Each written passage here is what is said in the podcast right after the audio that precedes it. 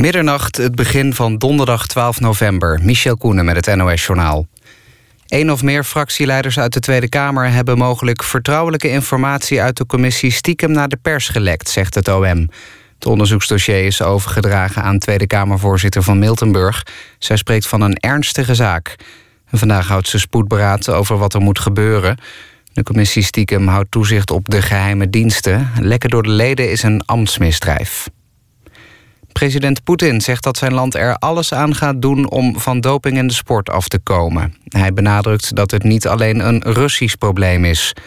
Poetin reageerde voor het eerst op het rapport van antidopingagentschap WADA. Die bracht maandag naar buiten dat er systematisch en door de staat gesteund dopinggebruik is in de Russische atletiekwereld. In Breda is vanavond een auto ontploft. Een persoon raakte zwaar gewond en is naar het ziekenhuis gebracht. Volgens Omroep Brabant is het slachtoffer bij de explosie zijn armen en benen kwijtgeraakt.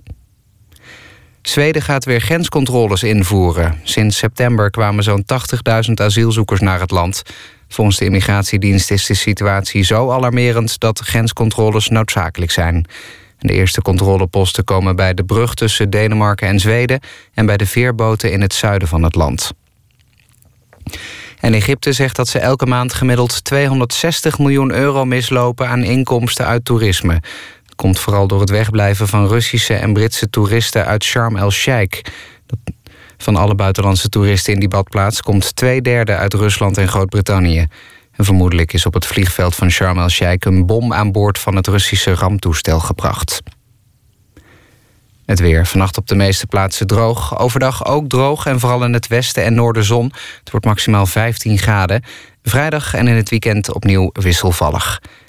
Tot zover het NOS-journaal. ANWB Verkeersinformatie. Er staan drie files. Op de A27 Utrecht richting Almere... staat tussen afrit Almere Haven en knooppunt Almere 4 kilometer... Twee files op de A28 bij Amersfoort richting Zwolle... tussen Amersfoort en Amersfoort-Vathorst 2 kilometer. Het is een spoedreparatie aan de weg. De linker rijstrook is daar dicht. En ook op de A28 Amersfoort-Vathorst en knooppunt Hoeverlaken 1 kilometer. Dat komt door een ongeluk. De linker rijstrook is daar dicht. Dit was de verkeersinformatie.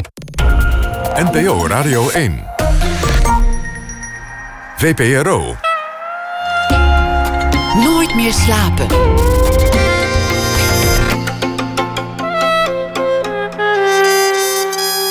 Met Pieter van der Wielen.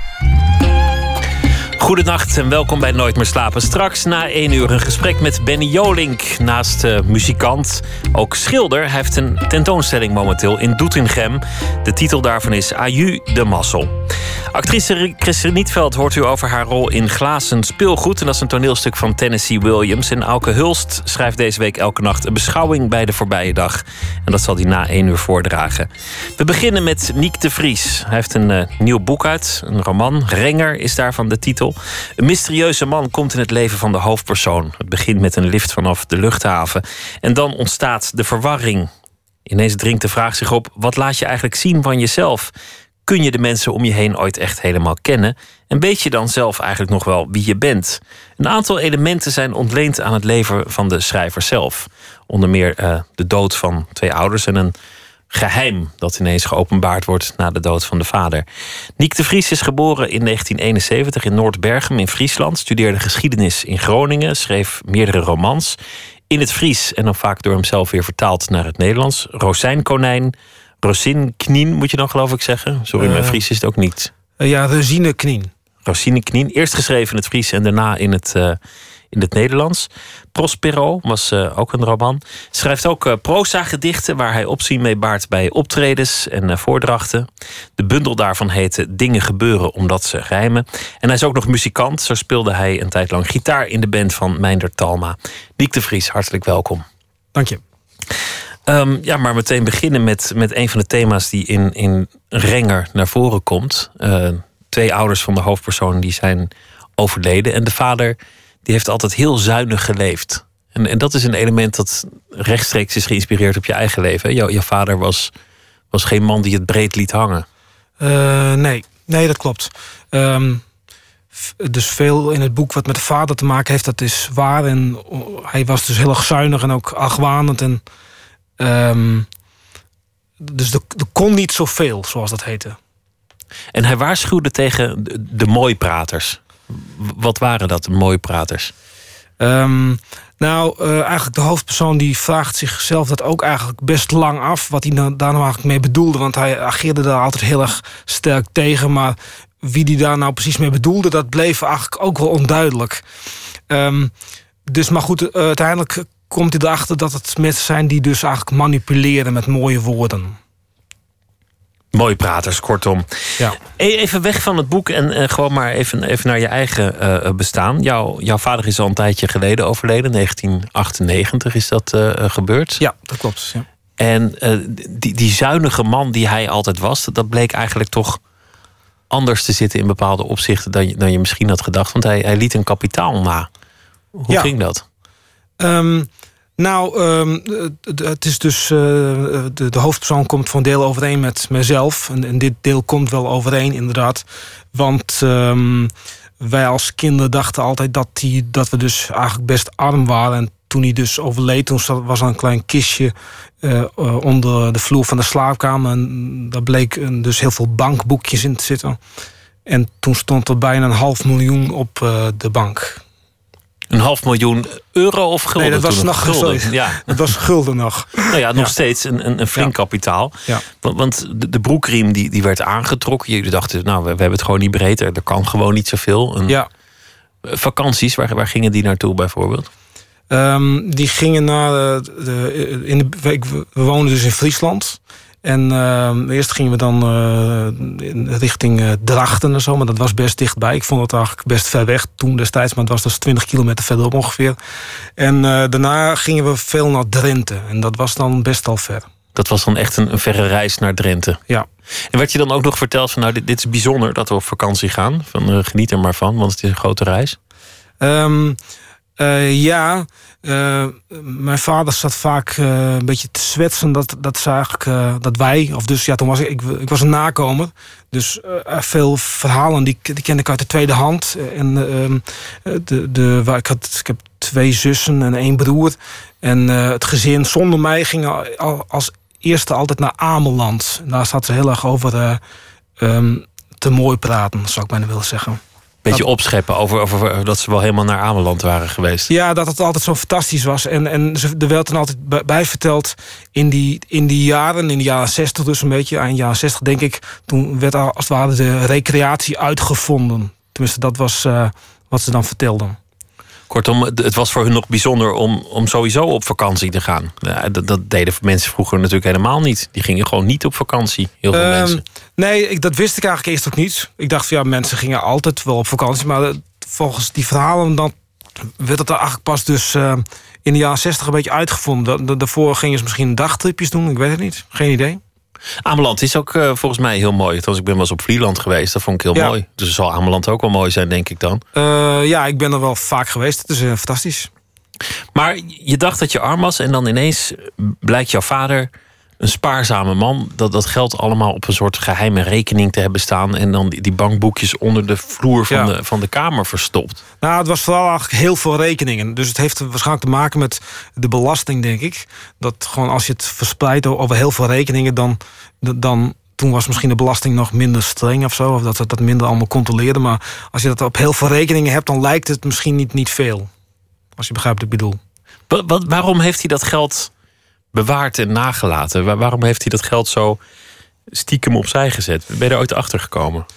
Ehm, nou, ehm, eh, eh, ik was een nakomer. Dus en, eh, ik, ik merkte veel van mijn ehm, eh, klasgenoten. Die waren dan ja, de ouders. En dat waren babyboomers. En eh, mijn ouders die waren net iets ouder. Die, die waren, zeg maar, eh, hadden de crisis nog meegemaakt van, eh, van, de- voor de oorlog. Zeg maar, voor De jaren Tweede- 30. Tweede ja. Wereldoorlog, moet je er bijna niet bij zeggen. Maar goed, ehm, dus, dus ik merkte dat die een beetje een soort andere levenshouding hadden. Dus soms dan kom ik vrienden tegen en die hebben ook dan een, ouders die net iets ouder zijn. En dan, dan, dan hebben ze dus die, die, die kinderen van die babyboomers, die hebben een soort idee van nou alles kan. En, en bij ons was dan nog het gevoel van nou alles kan niet eigenlijk. Opgegroeid met de spaarzaamheid en, en dat het niet breed was en bewaar het maar, want je hebt het misschien, misschien nog nodig. Het roept ook een beetje de vraag op van, van hoe goed ken je eigenlijk mensen? Ik bedoel dat, dat iemand een, een half miljoen, zij het in guldens ineens op een rekening heeft staan. Ja, Dat, dat, dat is toch... grappig, grappig dat je zegt zij het in guldens. Nee, Ja, nou ja, maar goed. Nee, dat klopt helemaal. Ja, trouwens, een Ja. gulden, een gulden en euro. Volgens mij is dat wat een gulden was, is nu gewoon een euro. Dat, dat hoef je helemaal niet meer om te rekenen. Maar die, ehm, dat, dat is toch een geheim. Hij, hij heeft toch een beetje een, een geheim nagelaten. Of, of een, of een eh, geheimzinnige kant gehad. Ehm, ja, als je het boek leest, dan komen er ook wel heel veel. Dan is hij heel vaak geheimzinnig aan het zwijgen. Of aan het glimlachen of zo. Dus er komen allemaal eh, geheimzinnigheden eh, naar voren. En was dat, ook, wa- was dat ook bij je eigen vader, die, die geheimzinnigheid? Herinner je je dat zo? Of is het gewoon een thema dat je mooi vond voor een roman? Ehm, eh, nou, best veel in het boek is fictief, maar alles over de vader, dat zit wel heel dicht bij de werkelijkheid.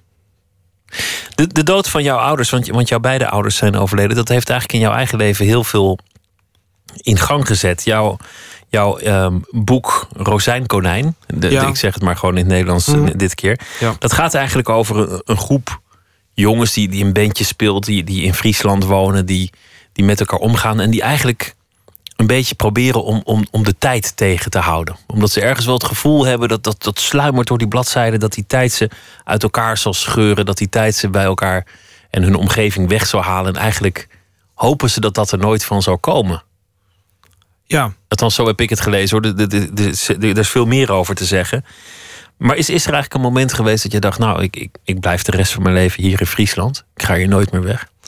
Ehm, nou, dan, dan trek ik eigenlijk Groningen er een beetje bij. Want Groningen is ook het noorden. Dus eigenlijk is dan, zou je het kunnen zeggen... ik blijf in het noorden, laat ik het zo zeggen. Want heel veel Friesen die wonen in, het noor, in Groningen. Of tenminste niet heel veel. Maar ik bedoel, eh, in Friesland is geen ehm, universiteit. Dus mensen die willen gaan studeren, die gaan heel vaak naar Groningen.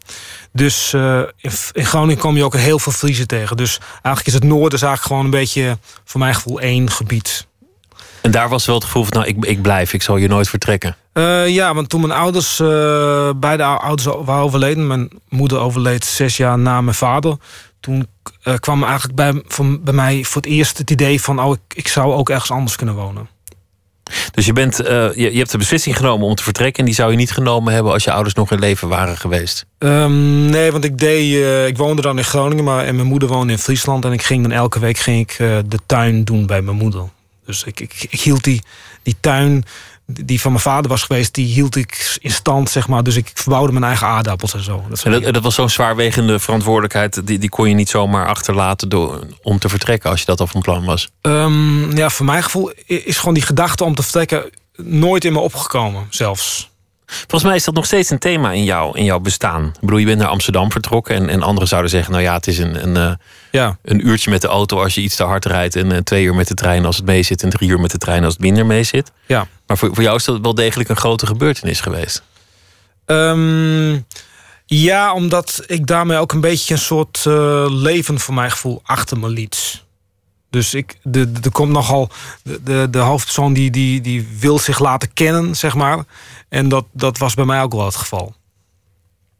Je, je werkte eh, in IKEA, dat was deel van het leven. Je, je was historicus. Je hebt, je hebt geloof ik zes jaar bij IKEA gewerkt in Groningen als, als eh, vakkenvuller. Eh, ja, 6,5. Ik heb het precies onthouden. Wat, wat deed je daar? Wat, wat, wat, wat houdt het precies in? Ja, vakken vullen, maar Nou, eh, ik heb gehoord van... eh, gra- grappig genoeg, als je één keer bij IKEA hebt gewerkt... dan hou je contact met die mensen die er ook hebben gewerkt. Dus ik heb ge- gehoord dat het nu inmiddels met eh, automatische karretjes gaat. Maar in die tijd ging het nog met pneumatische handkarren... dat je dan die pallets de winkel introk. En die gewoon eh, ja, vakken vulde dus, als het ware. dat had je zomaar je de rest van je leven kunnen doen.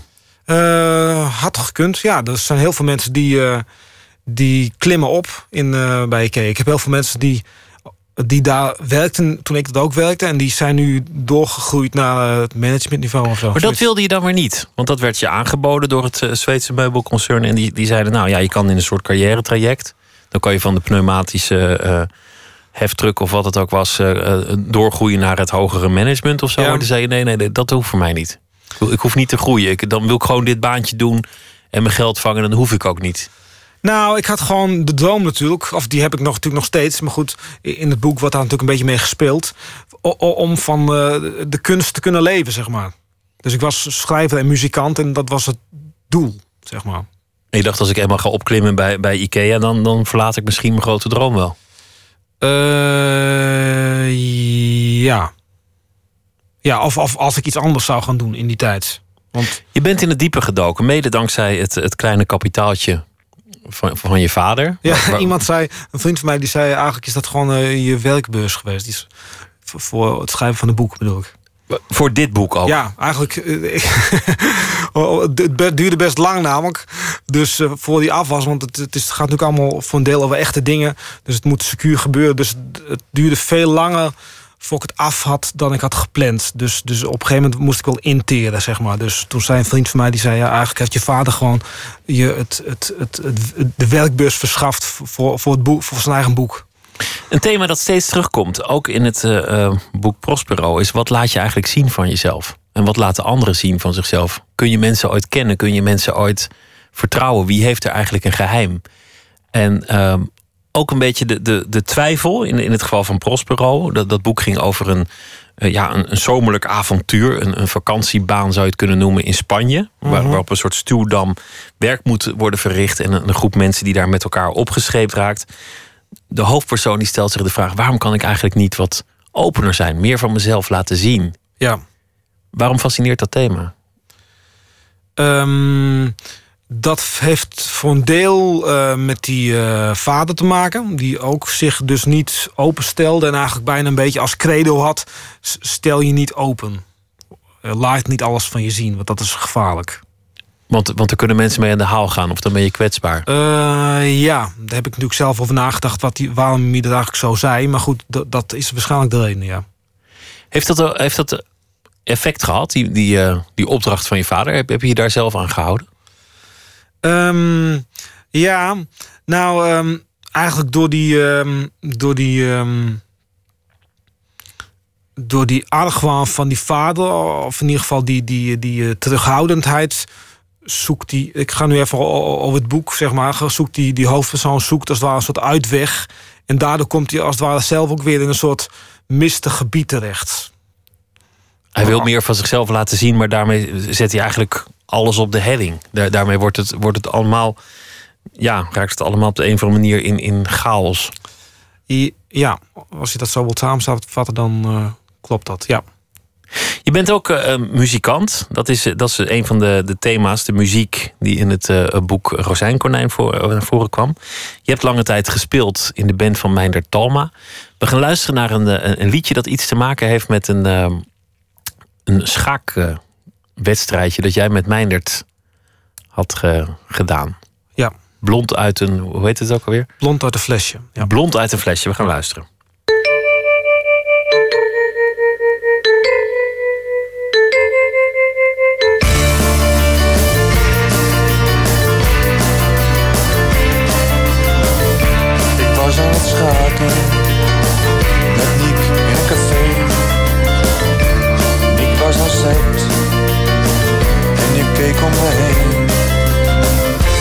Twee blondines kwamen het café binnen met de uitdrukking op hun gezichten dat ze vanavond van plan waren om zich een beetje te amuseren.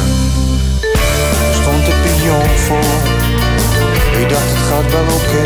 Maar toen dwong niet mij, ga terug naar F2. De ene was echt blond, de ander blond uit een flesje. Ik schatte hun leeftijd, eind 20, begin 30 de echte blondine geen wat drinken bestellen. Ze zei tegen de ober, een tapje en een flesje. Mijn gevallen te paard was onschadelijk gemaakt. Ik was het initiatief, Aniek ooit geraakt. Na haar derde flesje zei, de echte blondine Misschien ben ik wel een nymphomane. blond uit een flesje zei Ja, dat geeft al niks Daar hoef je je echt niet. Voor te schamen Terwijl ik keek Naar blond uit een flesje Kreeg ik van Nieke Gratis schaatlesje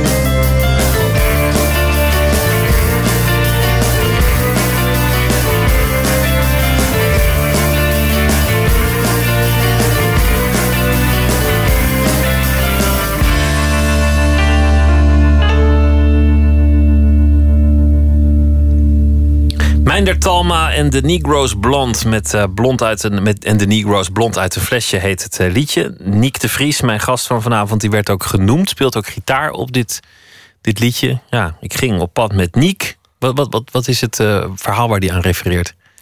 Um, het verhaal komt ook zijdelings in het boek voor, Renger. wij, wij waren twee geschiedeniskameraden, zeg maar. En wat wij eigenlijk deden al die tijd uh, was schaken in, in cafés. Dus, en en de, daarna hebben we best veel muziek gemaakt. Maar eigenlijk de eerste zes jaar dat we elkaar kenden... hebben we vooral uh, in de collegebank gezeten en geschaakt. Veelal. En tijdens dat schaken hoef je het ook verder nergens over te hebben. Ik bedoel, dan, dan zeg je gewoon A2 of, uh, of, of B4... of je hoort al dat ik geen schaker ben. En dan paard of schaak. Ja, of je doet het, je zet het gewoon. Je hoeft niet eens te Oh, je hoeft niet eens, te, je hoeft niet, je hoeft niet eens erbij te zeggen. Nee. Je zegt eigenlijk ook nooit schaakmat. Die ander ziet dat natuurlijk wel gewoon. Ja, of die, of die voelt het set van tevoren aankomen. Hele zwijgzame sport. Heel mooi. Precies. Dus, maar goed, onder, wij hadden het wel heel vaak. We hadden een beetje dezelfde smaak van uh, films en boeken en muziek. Dus dat was een binding. In dat boek over de, het Spaanse zomeravontuur, Prospero, daar, daar, komt ook een geschiedenismaatje in voor. Want dan, dan is er eigenlijk een man die diezelfde interesse voor geschiedenis heeft. En dan, dan dat vormt ook weer een lijn in het boek dat het gaat over het Escoriaal van Philips II, waar jullie dan uh, over praten. Dan, dan heb je ook weer een geschiedenismaatje gevonden.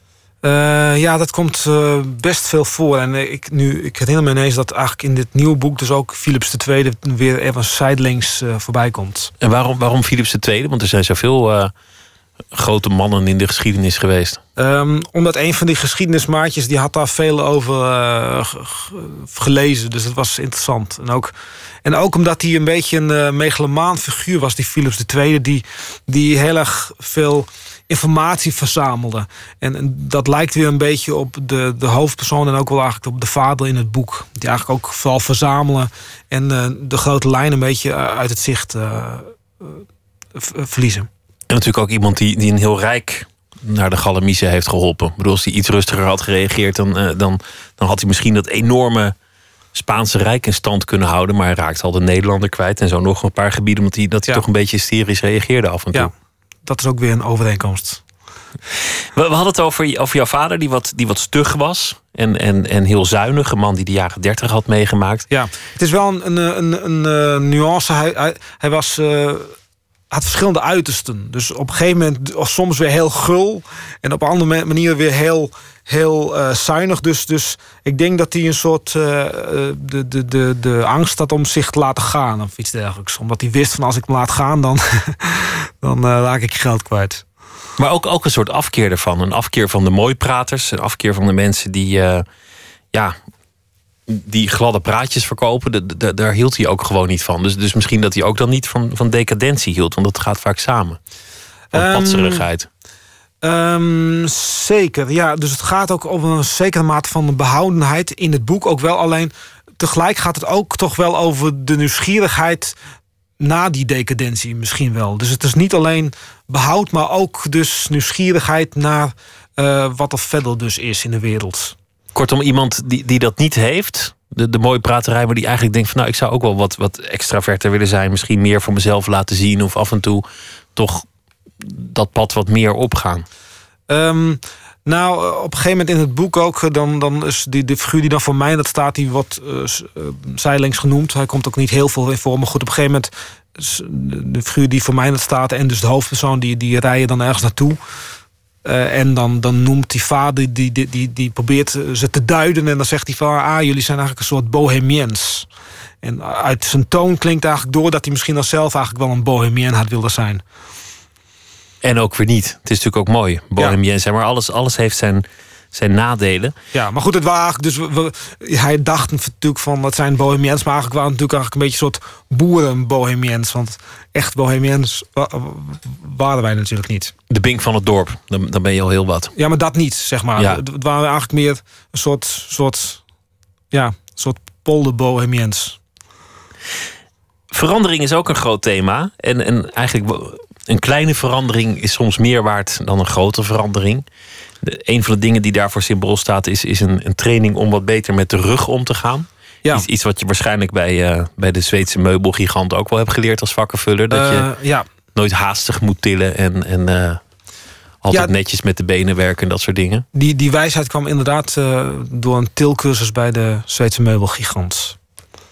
Maar wat je daar leert is eigenlijk dat, dat het moeilijk is om te veranderen. Omdat je, dat je patronen moet doorbreken die, um, die je al jaren hebt. En wat er dan geleerd werd in het, in het boek althans... is het zal aanvankelijk minder goed voelen dan hoe je het voorheen altijd deed. Dat geldt eigenlijk voor elke verandering. Ja.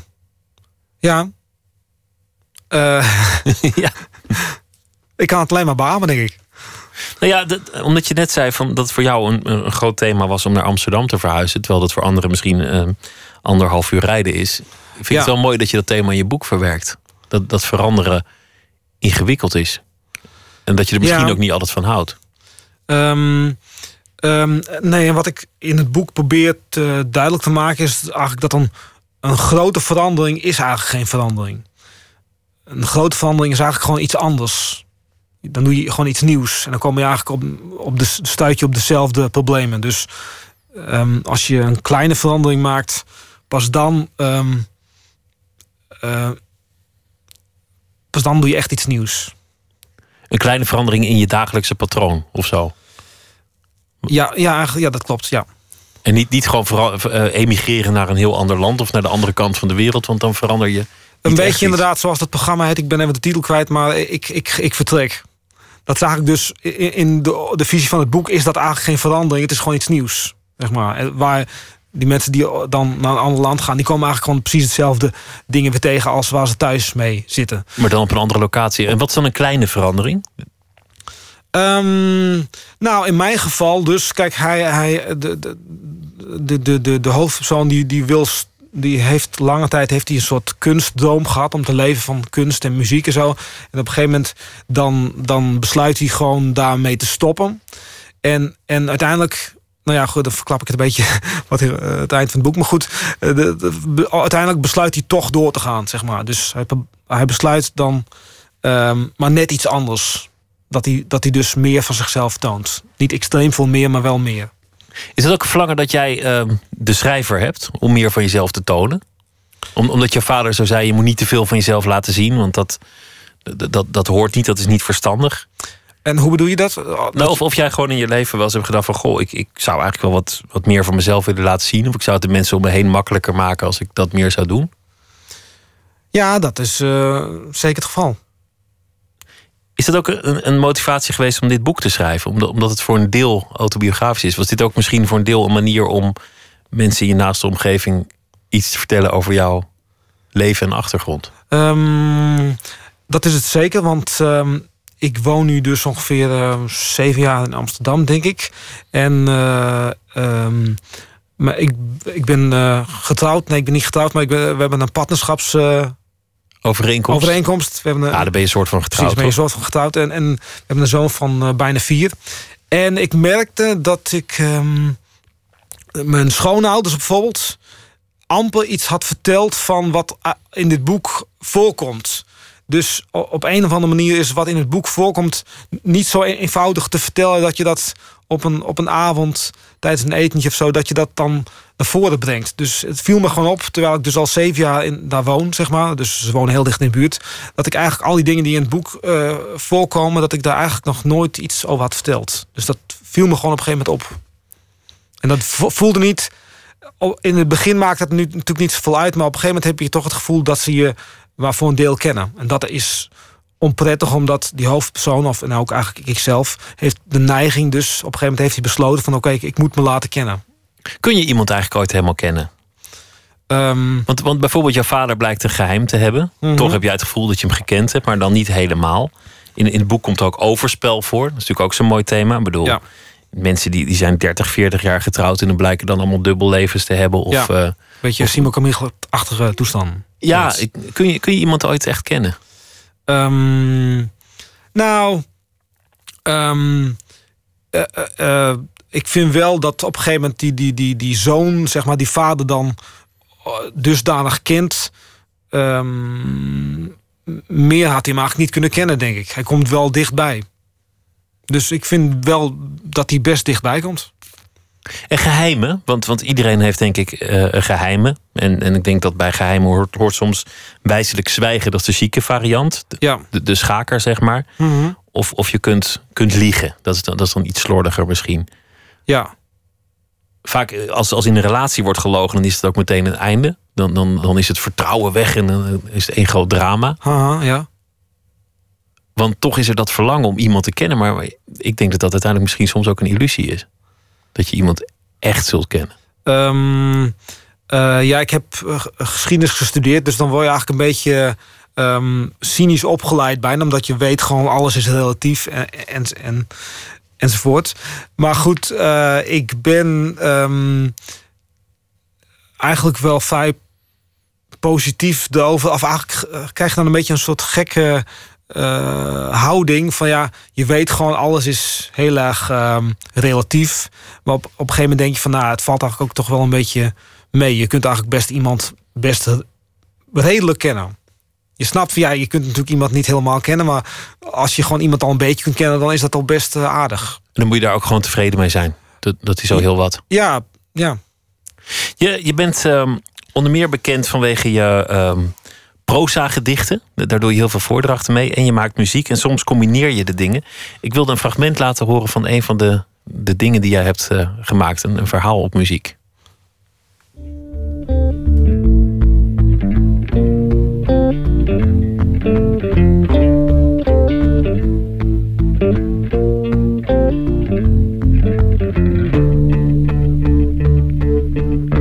Ik ontmoette Lois Lester 1956.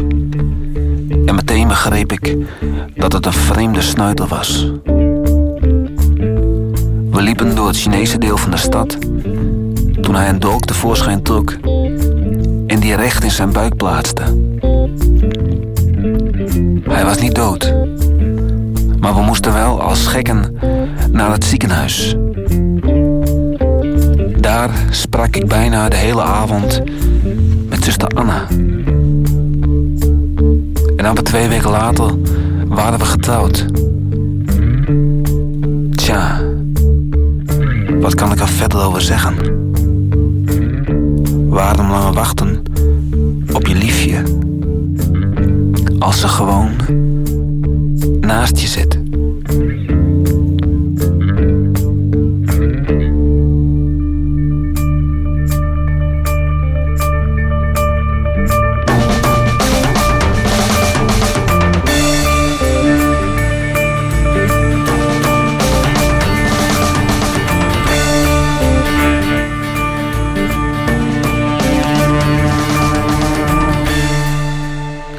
Heeft de ingrediënten van zo'n zo'n typisch proza-gedicht zoals je ze schrijft. Er zit, er zit eh, eh, humor in, een beetje, beetje droge humor. Het is vaak ook een klein beetje wrang. Er zit, een onverwachte element in en vaak ook iets, iets van absurdisme. De muziek, we, hebben het al een klein beetje gehad over Meinder Talma. Ooit werkten jullie samen bij een, bij een soort van piratenzender. Zonder vaste zender, zonder vast tijdstip en zonder vaste programmering. Maar, maar jullie maakten het vol bevlogenheid. Wat was dat? Ehm, nou, we maken deel uit nog steeds. Maar goed, eh, de groep is natuurlijk iets minder hecht misschien. Nou ja, niet minder hecht, maar het, eh, de bijeenkomsten zijn iets minder frequent dan vroeger. Maar goed, eh, we maken deel uit van een groep dat heet de Hobby Rockers. In Groningen. En dus we hadden heel lang een geheime zender en dat was Radio The Night Rider. En hoe ging dat dan? Want, want- dan heb je een zender en dan ga je de lucht in en dan hoop je maar dat er, dat er iemand afstemt. Eh, ja, het bleek ook eh, op een gegeven moment dat eh, de eigenlijk zo zwak was dat, dat hij eigenlijk maar één staat verderop kwam. Dus dat hij eigenlijk dat, dat heel lang is uitgezonden zonder dat eigenlijk mensen het konden horen. Maar goed, Maar dat is de pret van radio. Je Precies, weet toch, ja. ik bedoel, je- hier krijg je luistercijfers, maar weet je verder eigenlijk ook niks. Ja. En, en wat deden jullie dan in die uitzendingen? Ehm, nou, er waren gewoon verschillende programma's. Dus iem- iemand had een, een jazzprogramma, een ander had een voetbalprogramma. Dus ja, En maar een voetbalprogramma, gewoon praten over voetbal. Want ik neem aan dat je niet, niet verslag kunt doen van een wedstrijd. als je geen vaste programmering Nou, dat hebt. was eh Adriaan, dat was de jonge Bosverzand. Dat was een rare schuilnaam. En die, eh, die, die, eh, dat was altijd op zondagavond. Dus die, die las dan helemaal aan het eind van de avond... las die de, de voetbaluitslagen voor in de noordelijke regio. Alle voetbaluitslagen van de noordelijke regio. Eh, ja, som, vaak was iedereen dan naar huis... en dan zat hij er nog eens een eentje om alles eh, te vertellen. Ik weet niet hoeveel er gevoetbald wordt in het noorden eigenlijk. Ja, best veel. Dus, dus had hij ook nog wel een flinke, flinke programmering aan. Ja, dan was hij wel even bezig, ja. Hoe kwam eigenlijk, die, die, eh, hoe kwam eigenlijk de literatuur erbij? Want, want, want je gaat musiceren, dat, dat doen heel veel tieners. Maar, maar hoe, hoe kom je eigenlijk dan op het idee om proza gedichten te maken? En, en hoe is het je roeping geworden om te gaan schrijven? Ehm, wat ook in het boeken voorkomt, is dat de, de, de, de hoofdpersoon eh, dan liedjes maakt in het Engels. En op een gegeven moment is dat Engels niet eh, toereikend. Daar komt het eigenlijk op neer. En dan, dan sluipt er steeds meer eigenlijk eh, verhaal in, in, in de tekst. Of eigenlijk ga- gaan ze dan verhalen maken. In plaats van liedjes. Tenminste, in dat geval voor mij. En dat zijn dan eigenlijk gedichten ehm, nou ja, die, die niet rijmen of die niet echt een poëtische vorm hebben, maar die, die proza gedichten. Ik zou je willen vragen om er, om er eentje voor te dragen. Eh, Ik had, er, ik had er twee zelf uitgekozen, maar als je een ander wil, dan mag het ook. Maar er waren twee die, die vond ik heel, heel Ja. eh, eh, geslaagd. Eentje die heette ehm, Tijger en de ander heette Groentekar. Heb je ze bij de hand? Ja, ik geloof, ik, ik, ben, ik ben ook altijd heel slordig, maar kijk, hier, Oké. alsjeblieft. Ehm, ja, de eerste is eh, Tijger. En ehm, dit heeft wel eh, verband met het thema van het boek ook. Want de hoofdpersoon die is nogal een feitjesfiguur. en die, eh, die houdt er nogal van om dingen eh, te onthouden. Dus dat komt ook hierin voor. Het heet Tijger. Na mijn herstel had ik me voorgenomen in mijn leven nooit meer bang te zijn. Dat lukte wonderwel tot we zo'n 40 kilometer voor Lusaka ineens oog in oog stonden met een tijger. Volgens de reisgids had dat beest daar helemaal niet mogen staan. Even was ik perplex, maar intuïtief dook ik naar voren en slaagde erin het dier te overmeesteren. Gadegeslagen door een bibberende Hans, die zich terug in Europa tot mijn verbijstering niks meer van de tijger wist te herinneren. Sinds die dag weet ik wat elke gescheiden vrouw of man weet.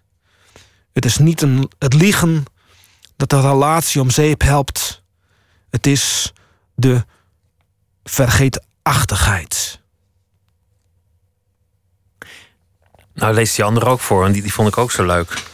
Oké. Over de groentekar. Ehm, deze heeft ook met het thema te maken, maar ik, ik denk dat ik het straks aan het eind van het verhaaltje wel weer weet wat, wat ook weer de link was. Oké. Hoe dan ook, het heet groentekar. Het was vroeg in de ochtend. In de vette zag ik een groot zwart kruis. Maar toen ik er min of meer met mijn fiets tegenaan knalde, bleek het een verkoolde boom te zijn. Ik ging zitten, pakte een flesje Fanta, mijn favoriete drank, en na ongeveer tien minuten zag ik verderop een kleine wagen aankomen rijden. Het was een groentekar. De bestuurder stopte, stapte uit en begon de hele inhoud van de wagen, al de bloemkolen, wortels, paprika's en kroppen sla in de sloot te gooien. Versuft keek ik toe, hoewel ik begreep wat er gebeurde. Ik kende het van een vriend uit de showbiz. Alles wat je verkoopt, dat ga je haten. Een herkenbare conclusie ook. Het is misschien wel waar, alles wat je verkoopt ga je uiteindelijk haten. Eh, ja, Het is ook tragisch. ja. We- weet je al wat, wat, het, wat het verband was met, met, eh, met het thema van het boek? Ehm, nee, ik, ik, ben het, ik ben het even, eh, Even, kwijt. misschien komt het nog. Ja. Ik wil het ook met je hebben over, over Friesland. Wat, wat altijd terug zal komen in, in, eh, in je boek. Hoewel in, in, in Prospero volgens mij niet zomaar. In Rozijnkonijn zeker. En in, in Renger ook. Mhm. Je, je eerste twee romans heb je ook in het Fries geschreven. Ja. Het, het Nederlands is natuurlijk al een vrij klein taalgebied. Als je er ooit van wil leven. Maar het, het Fries, een, een roman schrijven in het Fries. Dan, dan, dan weet je zeker dat het niet een hele grote hypotheek wordt. Ja. Ehm, ehm, dit komt dan wel veel ook in het boek voor. Dat, dat eh, de hoofdpersoon zich dan op een gegeven moment realiseert dat het een heel klein taalgebied is. En dat je daar dan moeilijk van kunt leven. Dus Wat, wat, wat, was de, wat was de verleiding om, om, om het in het Fries te schrijven? Is, is het een mooiere taal om in te schrijven? Of, of voel je meer thuis in die taal? Of dacht je van nou, er verschijnen gewoon te weinig boeken? Wat was dat? Nou, in het boek wordt eigenlijk de, de, de, de verklaring gegeven dat die vader, die is nogal voor het Fries. Ik weet niet of je dat, zo, eh, dat in het Nederlands kunt zeggen, dat je voor het Fries bent. Ik Ja, niet. ik begrijp wat je bedoelt, Oké. geloof ik. Dus, ehm, en nadat die vader is overleden, dan, dan probeert die zoon daar een vorm voor te vinden. Dus, dus, dus die gaat dan in het Fries ook schrijven, omdat hij als het ware een wereld die aan het verdwijnen is, wil behouden. Ik weet nog wel dat eh, mijn vriendin, of vrouw dus, of partner, hoe je het noemt, eh, dat die eh, in Friesland kwam om op bezoek te gaan bij mijn broer. En toen was ze heel verbaasd dat gewoon die kinderen ook allemaal Fries spraken. Dus dat wist ze gewoon niet, dat dat, dat, dat nog zo was. Het wonderlijke aan, aan je eerste roman is, is dat het heel erg een Fries boek is. Maar, maar toen ik het las, dacht ik ook van ja, eigenlijk, ik bedoel, ik denk niet dat een mens een streekproduct is. Had het ook een Zeeuws boek of een, of een Drents boek kunnen zijn. Omdat Ja, het gaat over, over jongeren in een provincie. Het had ook in Nevada kunnen spelen. ja. Of, is, Nou- er, of is er toch iets, iets wat echt Fries is? Waarvan je zegt, nou ja, dat, dat is toch origineel Fries. Ehm, dat geloof ik wel, maar wat je nu zegt, eh, mijn redacteur was een Zeeuw. En die kenden we heel veel uit Zeeland. En ook wat betreft eh, dit boek Renger dus. eh, ik zag laatst die film eh, Wilde Mossels bijvoorbeeld. En dat deed me er heel erg aan denken. Met Vetje van Oet en Frank Lammers. Ja, ook, ook die, die gewoon, dus die, die gekke plattelandse humor. Maar ook dan een soort neiging om in een soort trip te geraken. Dus dat, dat is een hele sterke overeenkomst. En een andere overeenkomst is ook, ook ja, elkaar willen vasthouden. Van, van we, we hoeven hier niet weg en kijk eens wat we hier allemaal hebben. En Ja. eigenlijk die, die angst voor die buitenwereld die toch uiteindelijk de vriendenclub uit elkaar zal scheuren. Eh, ja, en ook een beetje dat je dus eigenlijk niet wilt dat eh, iemand weggaat. Want eh, dat, dat hou je tegen, ja. Hoewel dat verschilt weer heel erg tussen Friesland en Groningen bijvoorbeeld. Heb ik het. Ja, dat zijn allemaal details. Dat zijn Nou, dat kleine, kleine verschillen. Maar ik heb het idee dat. dat ehm, nou, ik schiet nu meteen in een soort verdediging. Want ik, ik weet gewoon. Ik ben hal- omdat ik heel lang in Groningen ook heb gewoond. ehm, eh, moet ik het goed, goed zeggen? Oké, Fri- Friesen zijn iets, hebben- zijn iets arroganter, heb ik het idee. dan Groningers. Ja, en Groningers zijn eigenlijk sympathieker. Maar dat, is, dat kan ik natuurlijk niet. Ik ben ook Fries, dus ik, ik zit nu bijna in een soort spagaat. Maar Friesen die zijn, die hebben eigenlijk best wel het gevoel van... nou, wij zijn eigenlijk best wel eh, top of the world. Die hebben ook de indruk dat ze, dat ze echt een volk zijn. Je had vroeger, in, in, zoals ik het op, op school leerde met geschiedenis... Ja, had je de Bataven, de Germanen en de Friesen. Nou, Ja. die, die Bataven, daar hoor je nooit meer wat van. ja, is niemand die zegt, ik ben Bataaf. ja, Of, of, of behoudt het Bataafs, wat het ook zijn eh, zou. ja. Maar die, die Friesen, die, die, die blijven daar toch aan Eh, vasthouden. Ja, ik denk dat het toch dan de taal is, denk ik. Vermoed ik. Die het, die het, er zijn heel veel theorieën over gemaakt, denk ik. Dat de taal een soort bindingsding is. Maar dat zal dan ook hier het geval zijn, denk ik. En wonderlijk dat die taal heeft overleefd. Eh, ja, want al heel lang geleden toen... Ik weet nog wel, een van de eerste Friese schrijvers... die zei, ik be- ik begin in het Fries te schrijven... om hem een, om het Fries een mooie begrafenis te geven. Maar goed, er er wordt nog steeds in het Fries geschreven. Dus dat is grappig. Inmiddels zit je al een hele tijd in, eh, in Amsterdam. En dit, dit is volgens mij je eerste roman die je niet eerst in het Fries hebt geschreven, maar gewoon meteen Ja, In- dat, was, het, dat was eh, ook wel het doel. Nederlands. Dat was ook het doel. Nou, het, het schrijft anders. Hoewel, er komt ook een eh, Friese versie trouwens. eh, Volgend jaar. Maar ehm, het is gewoon anders wanneer je eerst de Friese versie maakt... en dan die min of meer vertaalt in het Nederlands. Dat, dat, dat levert een ander soort Nederlands op. Het, klinkt een beetje gede- gedetailleerd, maar het- het- zo is het wel. Want andersom was ik daar ook nieuwsgierig naar. Als je iets eerst in het Fries schrijft en, en dan naar het Nederlands Ja, vertaalt. dat bedoel of, ik. Dat bedoel ik. of, dat, of dat dan nog ook vertaalproblemen oplevert. Of er bijvoorbeeld uitdrukkingen zijn of bepaalde woorden die, waar je echt nog mee hebt geworsteld. Van hoe, hoe zeg je dat eigenlijk in het Nederlands? Ja, dat, kan is- ik alleen in het Fries. Dat, is heel moeilijk. Dus, ehm, en eigenlijk kun je het alleen vragen aan iemand beneden de rivieren. Want ik heb wel gemerkt dat iemand uit Zwolle... die gebruikt eigenlijk dezelfde soort constructies. Dus eigenlijk iemand beneden, de rivieren... beneden welke, welke rivier? Want als ik, als ik zeg beneden de rivieren, dan Oh ja. denk ik aan Brabant en Limburg. Dan denk ik aan, aan die rivieren. Nou, dan, ik denk aan de, de, de, ja, de Rijn, denk ik, of zo. Denk oh ja, nee, we hebben Ja. het over dezelfde. Ja. Ja, of, of de IJssel misschien dan. Beneden de IJssel. Laten we Oké, het- laten we ja. het daarop houden. Ja. Maar in Zwolle begrijpen ze het nog, maar... Nee, maar, ik bedoel eigenlijk, ehm, ehm, als ik dan iemand vraag in Groningen bijvoorbeeld van hoe zeg je dat in het Nederlands, dan zal die het ook niet precies weten, want die, die constructies, hoewel het natuurlijk Fries en Gronings verschilt, zijn die constructies wel eh, vergelijkbaar. De, de, de constructies van de taal bedoel je? Ja, precies. Dus hoe je gewoon eh, die woorden vormt. Dus eigenlijk als, als ik dan echt iemand. eh, eh, mijn vrouw is dus ge- geboren echt over Amsterdam. Dus die kan ik het dan nog wel vragen hoe, hoe ik het dan in het Nederlands zeg. Maar zelfs omdat ik spreek Fries met mijn, met mijn zoon. Dus zelfs zij is nu al een beetje met Fries geïnfecteerd. Dat zij ook al niet precies meer weet welk, wat de volgorde soms is. Zij zegt ook soms iets met een soort Friese volgorde.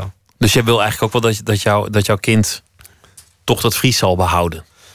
Eh, ja, blijkbaar. Zo ver gaat dat dus blijkbaar. Dus, maar ik vind het vooral leuk als hij dan in Friesland is... bij mijn broer of zo, of bij mijn eh, zussen... dat hij dan gewoon eh, hun kan verstaan. Dus ik, ik had niet de illusie dat hij het zou kunnen gaan spreken... maar hij spreekt het nu toch redelijk goed. Dus Die, die angst voor verandering, is, is, dat, eh, ehm, is dat eigenlijk minder geworden? Als je, als je eenmaal begint met veranderen, is dan ook iets, iets wat, wat je langzaamaan makkelijk afgaat? Of, of blijft dat toch altijd een thema? ehm, nee, dat gaat je makkelijker af. Ja. Noem eens iets, noem, noem eens voorbeelden of, of dingen waar, waaraan je dat merkt. Ehm, nou, eh, ik schiet me niet meteen een voorbeeld te binnen. Zou ik even over na moeten denken. Maar je, gewoon dat je wel zin hebt in een verandering. Ik denk nu ook dat er dan crisis is of zo. Dan denk ik van, nou, dat is eigenlijk best leuk. Dat verandert weer de hele boel. Ja, of ja, precies. De- Het, het zal toch eh, tot in lengte van dagen blijven veranderen. Dus ik bedoel, ja, eh, dus eh, laat me komen dan. Je hebt ook geschiedenis gestudeerd, dus dan moet je ook een beetje van verandering houden. Want daar, daar gaat het tenslotte over, Ja. voor een deel. Ja, dat is ook wel zo. In, in het boek... eh, dat je het wel relativeert in ieder geval. Dat is wel, vind ik wel leuk. Ja, en ook een beetje het risico dat je dan denkt... nou ja, in, in het licht der eeuwen maakt het allemaal toch ook weer niet zo gek veel uit. Dat ja, en, ook. en vaak wordt het ook toch, dan toch heel veel beter. Eh, dus het grappige is, mijn, mijn zoon is ook wel een beetje dat hij de kat uit de boom kijkt. Dat merk ik hoe jong hij nog is, dat hij niet naar de crash wil of zo. Maar als hij er dan één keer is, dan vindt hij het vaak fantastisch. Dus je moet gewoon die hobbel even over. En dat gold voor jou zelf ook, met wegkomen uit Friesland. Kiezen voor het fulltime schrijverschap. Eh, Weg van Ikea, dat is één. Maar om dan meteen helemaal zonder vangnet... met alleen de beurs van je vader Ja. voor, voor de kunst te gaan. Ehm, eh, ja, dat was toen wel. eh, ja, er zijn mensen die, die maken veel grotere sprongen. Dus, dus relatief gezien. Maar goed, dan, dan komt weer die geschiedenisrelativiteit om de hoek kijken. Dan denk ik. Maar goed, nee, ja. eh, maar het was het moment om het te doen, denk ik dan. We gaan luisteren naar muziek. Dit keer gewoon mu- muziek uit, uit het buitenland geselecteerd door Lotje IJzermans. Namelijk San Little. Die, nou ja, daar vertel ik zo meteen wel iets over. Die heeft een nummer met de titel Nice Dreams. Música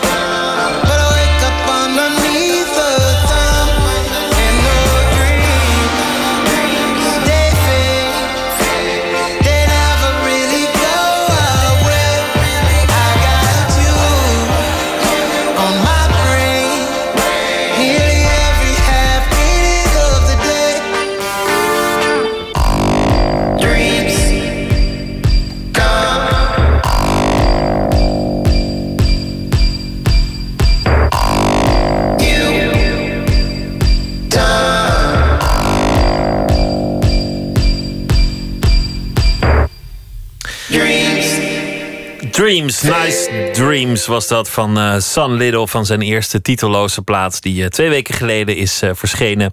Nooit meer slapen in gesprek met Niek de Vries naar aanleiding van zijn roman Renger. We hebben het over heel veel dingen gehad. Over je, je vader, een zuinige man, geen babyboomer als de ouders van je klasgenoten, maar een, een man uit de jaren dertig die, die, die nog zuinig had geleefd. Jij dacht dat je arm was, maar hij bleek een fortuin te hebben nagelaten. En dat fortuin dat maakt het mogelijk ook voor jou om, om uiteindelijk de IKEA te verlaten en te gaan schrijven. Maar je wachtte nog ook op het. Uh, althans, wachten, dat klinkt oneerbiedig. Maar je, je moeder overleed en toen hoefde je ook niet meer uh, voor de volkstuin te zorgen. En toen kon je, kon je de grote stappen nemen. Het boek gaat over verandering. Het, het boek gaat ook over wat je van jezelf laat zien. Het gaat over, over geheimen. Eigenlijk gaat het ook over de vraag die, die daaronder ligt: wie wil je zijn? Ben je tevreden met, met wie je bent? En weet je dat zelf? Ja, nou ja, je noemde dus, de, die grote stap, zeg maar. Um, het, het, was voor mij dan, zeg maar, uh, op dat moment dat uh, mijn ouders waren overleden, was eigenlijk de vraag van: oké, ga ik um, door? Want ik was natuurlijk eigenlijk altijd met, die, met muziek en schrijven bezig geweest. Dus het was eigenlijk de vraag van: ga ik door en probeer ik echt te maken wat ik wil maken? Of, of stop ik ermee en ga ik bijna letterlijk, zoals in het boek wordt beschreven, in, in de computers, zoals mijn vader dat ooit zei. Dus dat was eigenlijk best wel een soort uh, reële vraag. Van ga ik door of ga ik niet door? Dat was eigenlijk de grote stap, zeg maar. En de stap was dan van oké, ik, ik, ga dus, oké, ik ga door. Een andere grote stap is uh, die, ook, die ook de hoofdpersoon meemaakt in, in, het, uh, in het vorige boek. Die, die eigenlijk een beetje het jammer vindt dat hij niet wat meer van zichzelf laat zien. Wat uitbundiger is, wat meer een feestnummer zoals anderen die hij tegenkomt. Ja, in ieder geval dat hij zich uitspreekt. Dat hij, dat hij, dat, dat hij, dat hij uitspreekt wat, wat, wat in hem omgaat. Dat hij niet introvert is. Ja. Geen schaker die, die gewoon zwijgzaam iemand schaakmat zet, maar iemand die dan intussen ook nog een gesprek zou kunnen hebben. Ja. Hoewel dat onder schakers volgens mij gewoon ook niet hoort. Maar de vraag is, die, die daaronder ligt, ja, ben je tevreden met hoe het is? Ik bedoel, het maakt niet uit als je zwijgzaam bent, zolang, zolang het werkt. Um, nou, in dit geval ook van die vader dat was natuurlijk de crux. Het werkte dus niet. De, tenminste, hij kon zich niet goed. Ik heb het zelf ook wel, misschien nu op dit moment ook wel. Dat hij dus. Sommige mensen die kunnen zich gewoon heel goed uiten. Dus uh, die kunnen even in een paar zinnen gewoon even uh, de, de, situatie schetsen en iemand overtuigen. En, en, en dus die vader en misschien ook wel die zoon, die, die kunnen dat veel minder. Dus eigenlijk is er bijna een soort, uh, een soort uh, waardering of, of opkijken tegen iemand die dus heel mooi met de taal kan spelen. En uh, aan de andere kant is ook een soort frustratie van. dat het niet lukt om, om, om precies te zeggen wat je wilt. En daarom ja, heb ik blijkbaar dus ook een boek nodig om dat te zeggen. Misschien is dat het verband met, met het, het proza-gedicht dat je net las over, over de groentekar. je zei het heeft ook een verband met het boek wat je, wat je verkoopt, ga je uiteindelijk haten. Misschien dat mensen, de mooipraters die altijd zichzelf verkopen, uiteindelijk zichzelf gaan haten. Um, ja, nee, ja, dat klopt. Ja, nee. ik beaam steeds wat je zegt in een hele korte zin. Ik weet dat. Uh, ja, is, uh, ja. Nee, nee, nee, maar ik weet dat mensen ook wel eens zeggen van: oké, okay, uh, oh ja, je zegt dan gewoon ja. nee, je maakt gewoon liever niet overal te veel woorden aan vuil. Ja. Dat, is, dat, is, ook wel eens. ja. is ook wel eens een goede gewoonte. Aan het eind van, van het boek, die, die, die jongen die zo behoedzaam is en altijd op zijn hoede. Ik ga niet het einde verklappen, maar het redt zijn leven. En, en waarom ik dat een, een mooi einde vond, is omdat het vaak ook niet voor niks is dat iemand op een bepaalde manier in elkaar zit. Ja. Je moet niet denken dat je zomaar alles kunt veranderen, dat het geen consequenties heeft. Je, je bent ook gewoon hoe je, hoe je gekleid bent.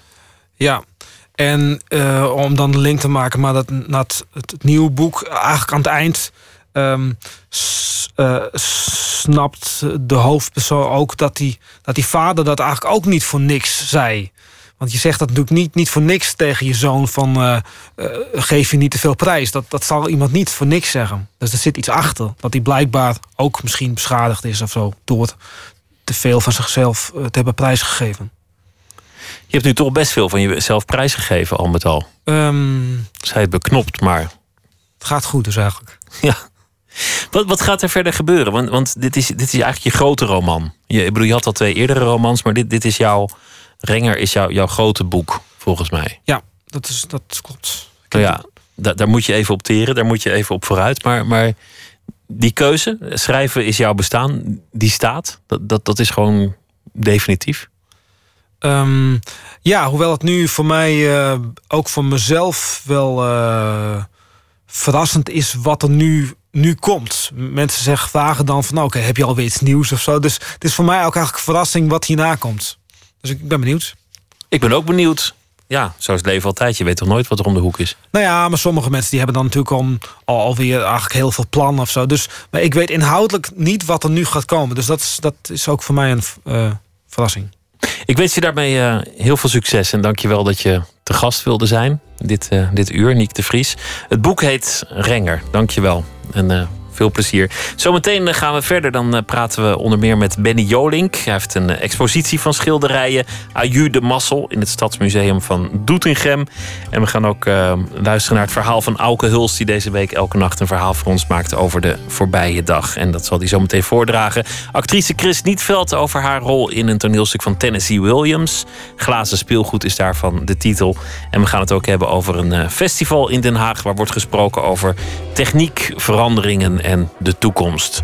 Dat allemaal zometeen. Twitter, het VPRO NMS of via de mail nooit meer slapen, vpro.nl. Graag tot zometeen.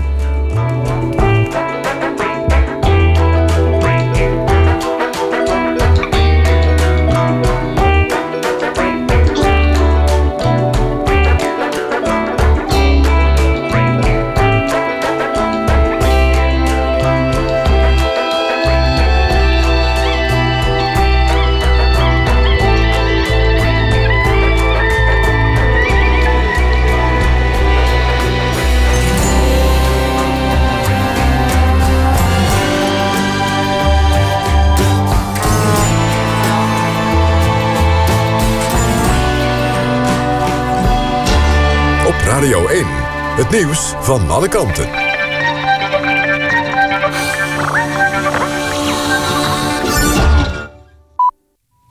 1 uur, Michel Koenen met het NOS-journaal.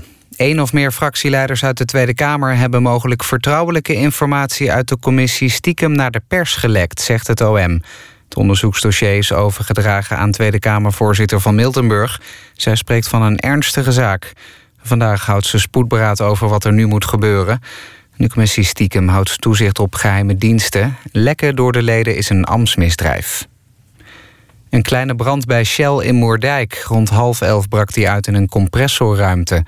Het afvakkelen zorgt voor een rode gloed... die tientallen kilometers verderop nog te zien is. Er waren ook knallen te horen in de buurt van Moerdijk. En volgens de brandweer gaat het afvakkelen nog wel de hele nacht duren. In Breda is gisteravond een auto ontploft. Een persoon raakte zwaar gewond en is naar het ziekenhuis gebracht. Volgens Omroep Brabant is het slachtoffer bij de explosie zijn armen en benen kwijtgeraakt. President Poetin zegt dat zijn land er alles aan gaat doen om van doping in de sport af te komen. Hij benadrukt dat het niet alleen een Russisch probleem is. Poetin reageerde voor het eerst op het rapport van antidopingagentschap WADA. Die bracht maandag naar buiten dat er systematisch en door de staat gesteund dopinggebruik is in de Russische atletiekwereld. Poetin vindt dat iemand de verantwoordelijkheid moet nemen voor het schandaal. Hij wil dat de zaak in Rusland wordt onderzocht.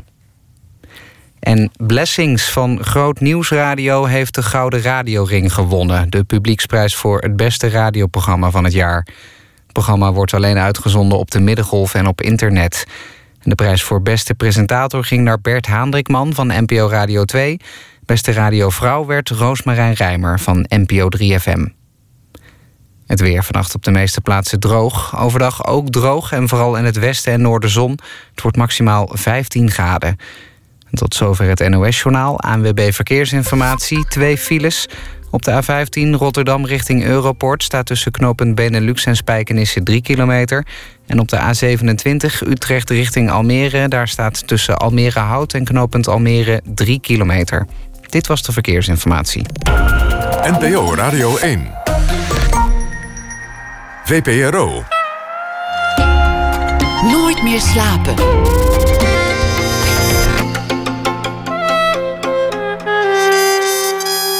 Met Pieter van der Wielen.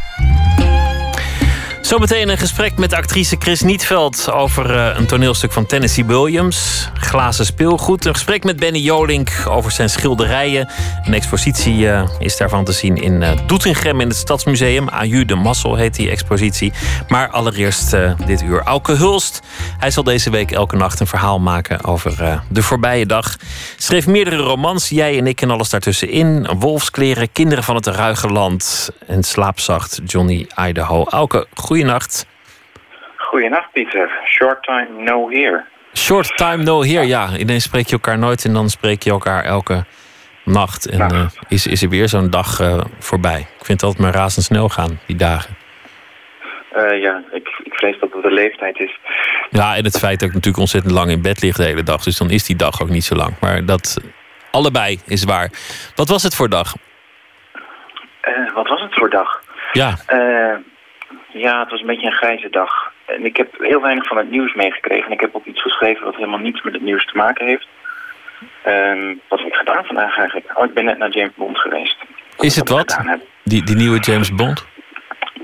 Het is, uh, het is, uh, het is een zeer geslaagd popcornvermaak en ik ben het nu alweer vergeten. Oh, nou dat klinkt als een goede film. Ik ben benieuwd naar het uh, verhaal dat je hebt geschreven. Ga je gang. Ik woon tegenover het oude hoofdkantoor van de Hollandse IJzeren Spoorwegmaatschappij. Een 19e eeuws kantoorgebouw in neo-renaissance-stijl vlakbij Amsterdam Centraal.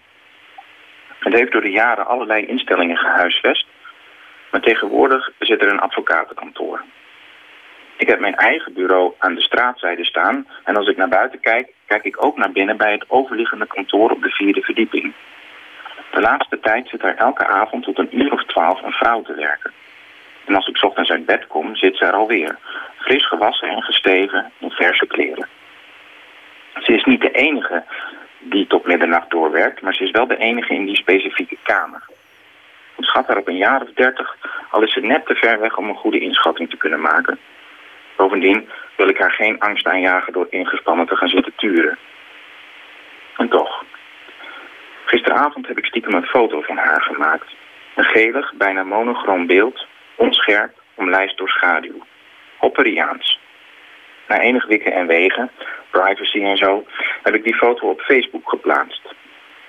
Wie is ze, schreef ik. Wat doet ze? Zou ze van haar werk houden of met tegenzin proberen om mogelijke targets te halen?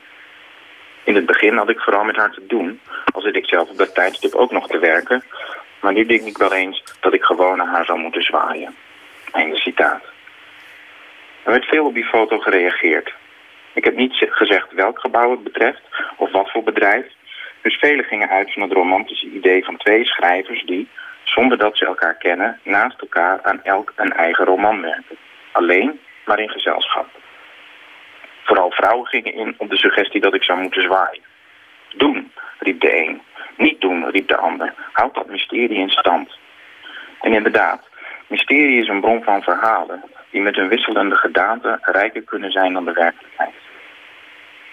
Het meest verhalende detail viel me pas op toen ik goed naar de foto ging kijken. Achter de vrouw, op een flip-over, staat een tekening van een robot met een groot hart. De robot heet Tommy. Schrijver Richard de Nooy liet zich hierdoor direct inspireren tot een Facebook-dialoog die ik met zijn toestemming hier citeer. Die heeft Rens gemaakt. Grappig. Ik ben eraan gehecht geraakt. Het lijkt wel een soort robot. Ja, zo noemde hij me vaak, robotje. Omdat je steeds maar doorwerkte.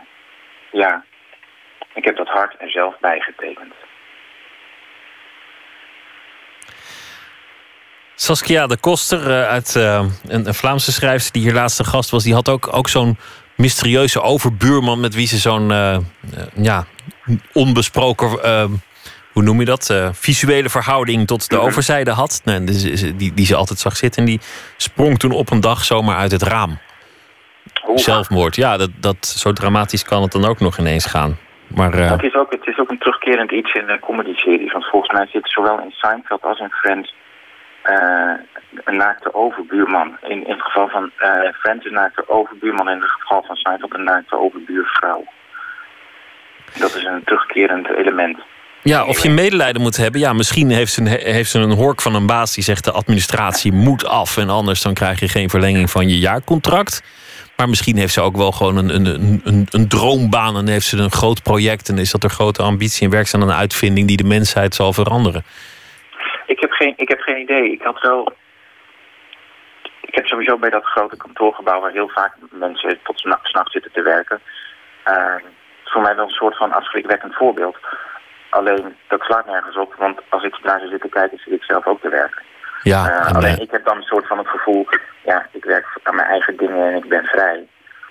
Uh, nou ja, je verkoopt het aan jezelf, hè. Ja, dat is ook zo. En, en op heel veel kantoren zit ze ook gewoon de hele dag te Facebook, hoor. Net als jij. Dus dan, dan misschien zit ze dat wel gewoon te doen. Kan ook. Nou ja, ik had nog, e- ik had nog even gedacht, het zou kunnen dat een van mijn Facebook-vrienden misschien wel weer bevriend is met haar. En dat terwijl ik dat net geplaatst had, zij aan de overkant zat uh, een, een, berichtje kreeg via Facebook en al zelf dat bericht had kunnen lezen. Maar dat. Uh... Zo ging het helaas niet. Het was wel mooi geweest. Auke, dankjewel voor dit verhaal. Wens ik je een hele goede nacht. Morgen weer een, uh, een verhaal over de dag die nog komen gaat. Goeienacht. Ja, dankjewel. Uit Brisbane, Australië, komt een jonge zangeres, Wafia. Ze is nog maar net bekend. Ze heeft een uh, nummer met de titel Heartburn.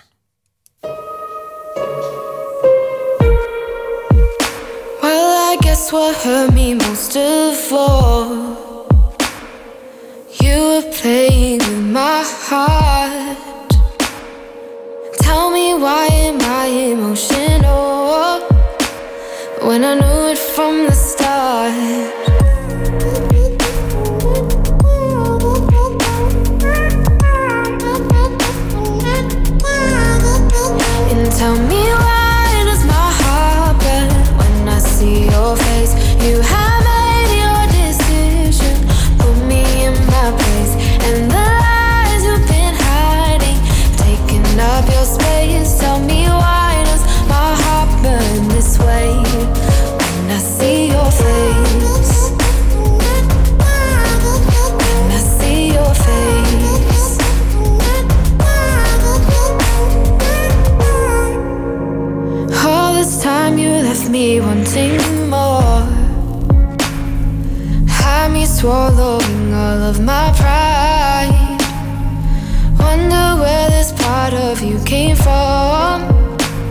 It was hidden in the shallow of your eyes.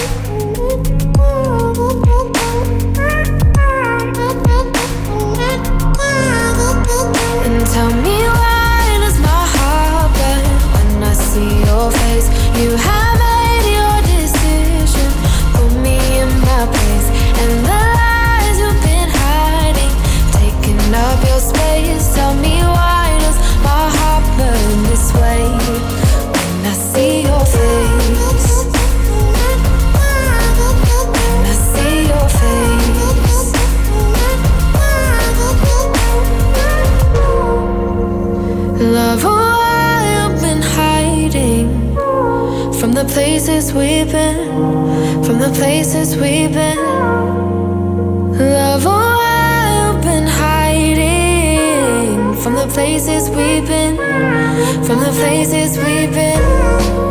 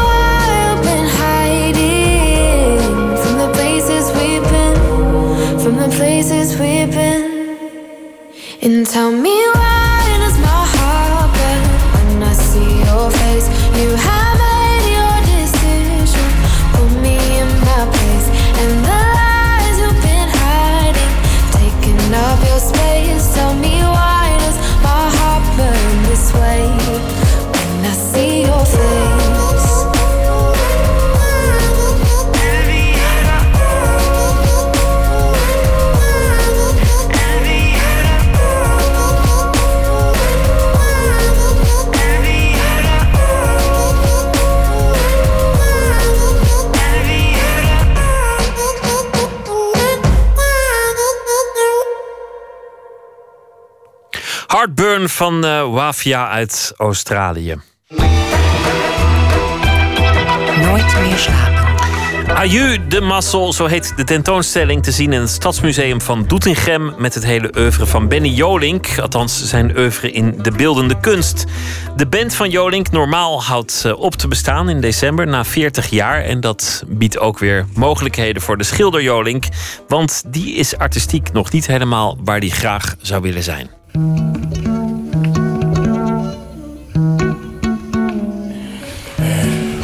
Dit is een tekening uit 1959. Op de lagere school zat ik nog van de motocrosser.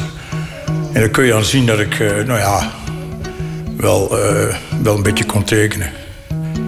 De eerste repetities van het bandje Normaal, ruim 40 jaar geleden, waren in de kelder van het oude postkantoor van Doetinchem. Datzelfde postkantoor is inmiddels het Stadsmuseum. En de hele eerste verdieping hangt nu vol met tekeningen en schilderijen van Benny Jolink, die ooit, min of meer toevallig, op de kunstacademie belandde in Enschede. Al mijn vrienden die gingen naar de kweekschool, heette dat toen nog, de PABO, nu. En ik dacht, ja, gewoon met de kleuterschool en de lagere school en dan de middelbare school. En dan ga je naar een school om op een school les te gaan geven. Ja, daar ook nog nooit. Ik zag nog steeds de school als een gevangenis. Dus eh, mijn ouders eh, hadden een psychologische test geregeld... van een christelijk, weet ik wat, eh, onderzoekbureau. En die zeiden dat ik maar naar de kunstacademie... dat wil zeggen de Academie voor Kunst en Industrie ging. En daar had Bram Middelhoek, de directeur... en die, hij zei, ik zie dat je veel en goed kunt tekenen... zei hij, maar dat leren we jou hier wel af. Ja, want dat was toen net allemaal afgeschaft. Mo- eh, Toen moesten allemaal ga- gaten in het gazon graven... en dat vervreemding noemen. En bomen blauw schilderen. En eh, dat was de kunst toen. Een groot deel van wat de tentoonstelling laat zien, maakte Benny Jolink speciaal voor normaal. Platenhoezen, t-shirts, petjes. En dat maakt het bijna een soort expositie van memorabilia. Maar vooral zijn zelfportretten, door de jaren heen, laten wat vrijer werk zien. Uit zijn academietijd komen een paar opvallende schilderijen, waarin je hem ziet zoeken naar een eigen stijl. In het derde jaar toen ging ik dit soort werk maken... en toen had ik toch wel mijn draai gevonden. Omdat ik er toch wel weer een, eh, realistisch eh, elementen in kon brengen. En werd dat geaccepteerd daar? Jawel, dat, dat, dat, jawel toen, toen zagen ze ook wel dat, ik, eh, dat dat iets van mij was. Ja, daar had ik zelfs succes mee. Ik mocht exposeren en aan de aanleiding van die expositie werd ik weer gevraagd voor, om eh, opdrachten voor eh toneelgroep Studio in Amsterdam. Toen heb ik een jaar in Amsterdam gewoond. Ja, ik had een heel succesvolle stad eigenlijk. Ik stak de sigaren aan met briefjes van 10 en op zondag met van, een briefje van 25. Gouden tijden. Ja, ja. Maar eh, ik kon het daar niet volhouden. Toen de opdracht afgelopen was en het geld ook al snel op... ben hangende pootjes naar de, ah, naar de Achterhoek teruggegaan. Met hangende pootjes, ja. Ja, ik was eh, eigenlijk helemaal aan de drank. En eh, ja, nee, het ging helemaal, helemaal niet goed met mij. Maar ik heb altijd gedacht dat je echt terug bent gegaan hier naartoe... vanuit het idee van nou, dat Amsterdam... Het, ik geloof het allemaal wel, die grote Nee, stad. Nee, nee, nee, nee. Want later gingen we... Ik ging, ging toen in Enschede wonen en eh, ben daar getrouwd. Maar als we in Amsterdam binnenkwamen, zeiden we van... zo, we zijn weer thuis. Nee, ik, dat, ik, wou, ik wou er wel zijn, maar niet wonen.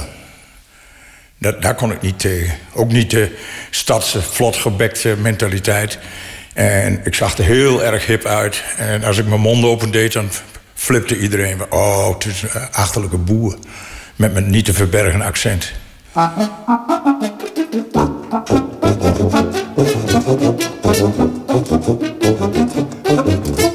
Ik ben vanaf de geboorte ben ik altijd een buitenbeentje geweest. Of dat kwam omdat ik zo vaak ziek was, ik weet het niet. Maar als de hele wereld rechtsaf gaat, ga ik linksaf.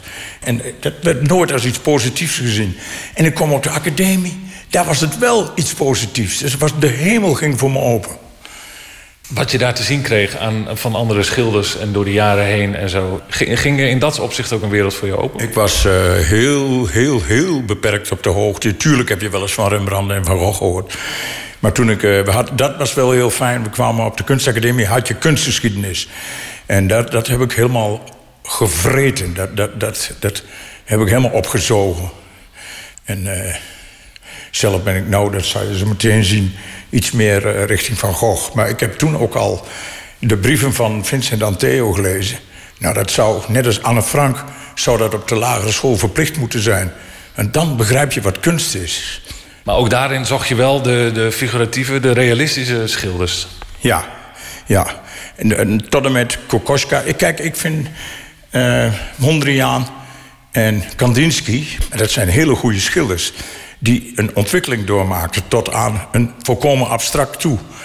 Maar als je daarna nog weer opnieuw het wiel ging zitten uitvinden... en door, abstract, te beginnen met abstract schilderen...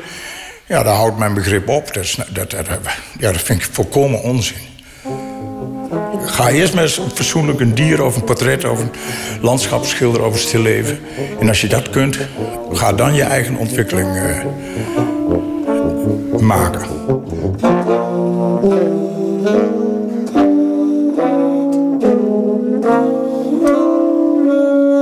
Ja, nou dan zien we hier allemaal werk dat ik eh, gemaakt heb voor de beeldende kunstenaarsregeling. En die heb ik later teruggekocht. Hoe zag jouw leven er in die tijd uit? Want een gedeelte is functioneel voor de band, wat je maakte. Ja. Maar dit maakte je. Dat was voor de BKR, ja. Die, die beukenbomen. Maar had je daar ook echt een heel functioneel doel mee? Van ik moet gewoon, ik moet gewoon geld Nou, verdienen. ik, dat zal ik je vertellen. Ik, was, eh, ik kwam dus bij die gemeentesecretaris en die zei... Nou, de BKR, daar had hij nog nooit van gehoord. Een hele, hele kleine gemeente met in totaal eh 4000 inwoners. Dat is een van de kleinste van Nederland. En de BKR, en wij moeten daar 15% aan meebetalen. Nou, ja, dan eh, zei hij... Nou, dan maak maar alle boerderijen, teken maar en schilder maar... die in de monumentenzorg zitten. En dat is bijna heel Hummelo. Dus dat heb ik gewoon gedaan. En Hummelo is heel mooi, dus ik vond dat niet zo straf. En ik zei, ja, nou, de gemeente moet er ook tevreden mee zijn. En daar waren ze heel erg tevreden mee. Dit zijn dingen die iedereen eigenlijk wel mooi vindt. Dus is het geen echte kunst. En kreeg ik er maar heel weinig geld voor. Dus ik moest heel, heel veel schilderijtjes maken. Meestal aquarellen. Maar je sprong dan ook niet bij zo'n gemeenteambtenaar voor jezelf in de bres. Dat je zei van ja, maar ik ben kunstenaar, ik maak wat ik maak. Ja, maar ik vond dat hij gelijk had. Ik, ik, had, ik had al niet meer zoveel op met die kunstenaars. Ik, eh, ik wou in de muziek. En ik denk, ja, ach, hij heeft, eigenlijk heeft hij gelijk. Ze moeten eraan meebetalen. Dus dan mogen ze toch ook wel wat vragen. En ik, vond, ik vond eigenlijk, eigenlijk vond ik dat hij gelijk had. Want er was ook niemand anders in Hummelo die aanspraak maakte op die regeling. Nee, nee, nee. Ook daarna niet meer. De BKR Hummelo, dat ben jij. Ja, ja, ja, zou ik kunnen zeggen, ja. In 2012 zorgt Jolink voor opschudding, ook onder de eigen aanhang, wanneer hij een liedje schrijft over populisme. En dat illustreert met een schilderij van drie personen: Geert Wilders, Hitler en Breivik. Ik ben ook bedreigd toen. Met de zonder postzeelbrief in de brievenbus gedaan. Ik weet waar je woont, ik snij je gezin de kop eraf. En, eh, ja, ik moest erom lachen, maar mijn gezin niet. Geen moment bang voor geweest? Nee, nee, maar ja, maar je gebruikt het woord bang. Ik, eh, als kind was ik heel bang, maar door de verhalen van mijn vader waarschijnlijk... die in het verzet had gezeten, dat instinct mis ik volledig. Dat is fijn. Dus bang, nou, dat is ook dom. Is misschien fijn, ja, maar dat is ook dom. Artistiek gezien is het prima. Je moet nooit bang zijn. Ik sta nog steeds achter het schilderij.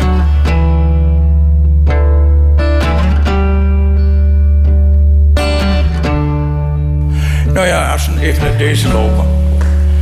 Eh, Dit is een beetje die Van Gogh-achtige stijl die je bedoelt. dat- dat is het, een van de meest recente zelfportretten, ja. Geschilderd. Samen met die drie potlo- eh, pentekeningen en zo. Waar wil je eigenlijk uitkomen met je werk? Waar wil je nog naartoe? Nou, dit gaat aardig eh, de richting op die ik wil hebben. Eh, een, een eigen handschrift ontwikkelen. Dat je meteen kan zien, oh, dat heeft hij gemaakt. Daar ben je nog niet? Nee, ik heb nog niet een schilderij gemaakt waarop, waarop ik net zo trots ben als eh, een paar van mijn beste liedjes.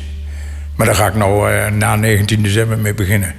Ja, 19 december is jullie afscheids, afscheidsconcert. Ja. Ook met in je achterhoofd, nou ga ik dit weer meer doen. Dan ga ik weer meer schilderen. Zeker, zeker, ja, dat, dat vooral. Ja. Ik ga, nou, ja, schilderen doe je zittend op een krukje. Dus dat, dat zal nog heel lang gaan. No ayudan de mazzel. Laat toch goed gaan, misschien. gesprekken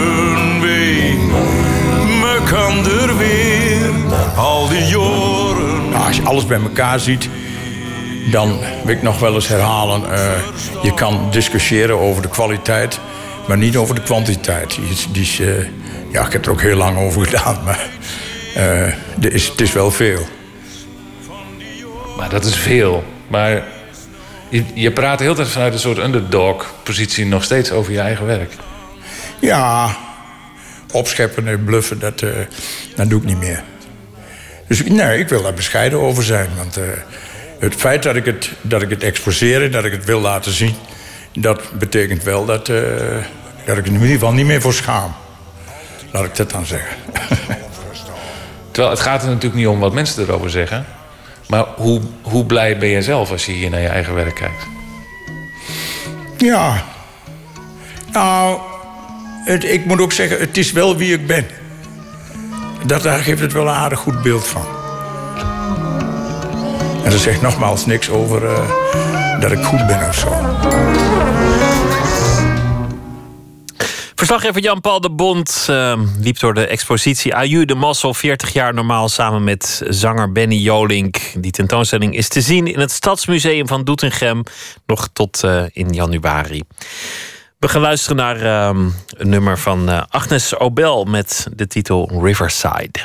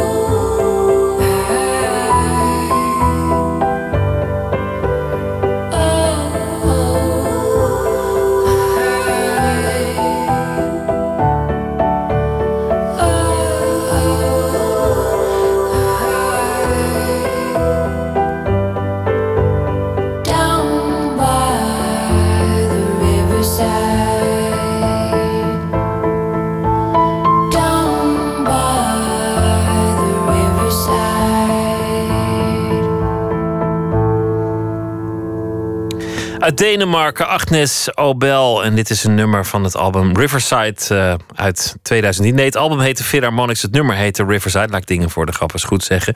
En dat is uit eh, 2010. Nooit meer slapen. Vandaag begon in Den Haag het Border Sessions Festival. Twee dagen lang wordt er gesproken over nieuwe technologie, nieuwe ideeën, nieuw design en gedachtes over hoe we onze toekomstige samenleving vorm willen geven. Nachtcorrespondent Botte Jellema die verdiepte zich in de onderwerpen en eh, het festival. Botte, goeienacht. Goedenacht, Pieter. Border Sessions was ik al meteen verward, want je hebt in Den Haag natuurlijk ook traditioneel het Crossing Border Festival. Ja, ook allebei in november. En het is ook helemaal geen toeval, want eh, dezelfde organisatoren zitten erachter. Ehm, de twee eh, festivals die vinden eh, ook strak achter elkaar plaats. Want Border Sessions is vandaag en morgen. En vanaf vrijdag begint Crossing Border. Nou, dat is dus absoluut geen toeval. Ze doen het trouwens, dit festival organiseert Crossing Border in samenwerking met Dutch Coast. En dat is een soort kantoor dat zich specialiseert in technologie en bedrijfsontwikkeling. Crossing Border is een eh, festival waar muziek en literatuur elkaar ontmoeten. En eh, bij Vlagen toch ook nog andere dingen. Wat is, wat is verder, behalve dat het dezelfde organisator is, het verband tussen de beide festivals? Ja, nou, je zou kunnen zeggen dat ehm eh, Border Sessions... Wat, dat net als Crossing Border gaat over een beetje de, de actuele status van... zeg maar de status quo van de cultuur. Van, on, van, ja, nou ja, van onze cultuur, maar van de cultuur. Alleen zit Crossing Border dan echt een beetje aan de alpha-kant, zo gezegd. En eh, Border Session wat meer aan de beta-kant. Ehm, want dit gaat over, ja, over innovatie met eh, sprekers uit de, hoek van eh, ja, de wetenschap, maken, technologie, zakelijke ontwikkelaars, denkers, design. En ik kom straks nog wel even met een voorbeeld erover. Maar eerst even zoals gezegd, die, die directeur van Crossing Border... die organiseert ook Border Sessions. En dat is Michel Beren. Ik kon hem vanmiddag even bellen en hij vertelde hoe het is begonnen. Ik liep al jaren met het idee rond om er iets aan toe te voegen. En eh, ik, heb zelf ook een beetje een beta-achtergrond, dus ik ging vaak naar allerlei eh, eh, interactive technologie-achtige toekomstvisie-festivals. en ik dacht van, nou ja, dit, dit past volgens mij heel goed bij Crossing Border, omdat het al een crossover is natuurlijk. En ja, volgens mij kan dit onderwerp er goed bij. En er worden ook heel veel boeken komen uit in deze hoek. En dat waren ook wel vaak hele goede auteurs die ik ook heel graag in het Crossing Border Festival wilde hebben. Maar die passen daar misschien niet zo heel erg goed op, op dat crossing border. En zo begon hij drie jaar geleden dus Border Sessions. Ja, waarin gepraat wordt over technologie in relatie tot onze samenleving. Er zijn lezingen, debatten, workshops. En het idee is vooral om ideeën uit te wisselen. Net hadden we een panel, eh, dat is net afgelopen, dat eh, ging over synthetic aesthetics. Ja, dan heb je het over synthetische biologie. Nou ja, dat is een, echt een hot topic eh, op dit moment. Maar daar gaat het panel gaat heel erg over, eh, over de design van synthetische biologie. Dus, dus ja, we, we doen dit nu, maar hoe, hoe ziet dat er nou uit? En hoe kan je dat ontwerpen? En, maar dan ook niet alleen eh, dingen die echt bestaan, maar ook gewoon hypothetische ideeën, zeg maar. Van wat zouden we nou gewoon kunnen doen, weet je wel? En nou ja, daar, daar, daar ontstaat dan heel levendig discussie over in de zaal. En ja, en, en wat wel leuk is aan het festival is dat het heel breed is. Dus het gaat echt van medisch naar ruimtevaart, naar design, naar... eh, dus het is heel breed. Dat is wel, eh, ook wel leuk, denk ik. Het is een gortleden cliché, maar daarom is het niet minder waar. Het gaat momenteel razendsnel. De technologische ontwikkelingen zijn nauwelijks bij te houden. Waar gaat het hier eigenlijk over? Internet en, en gadgets of ook andere dingen? Ja, ja nou, die, die internet en gadgets, dat speelt natuurlijk altijd een rol bij dit soort dingen. Maar eh, ehm, zij zeggen, het gaat voornamelijk over inhoudelijke ideeën. Dus hoe kun je die nieuwe technologie die dan ontwikkeld wordt, eh, o- om iets, hoe kun je die inzetten om echt iets voor elkaar te krijgen in, eh, in de maatschappij? Nou, een voorbeeld is een idee van Koert van Mensvoort.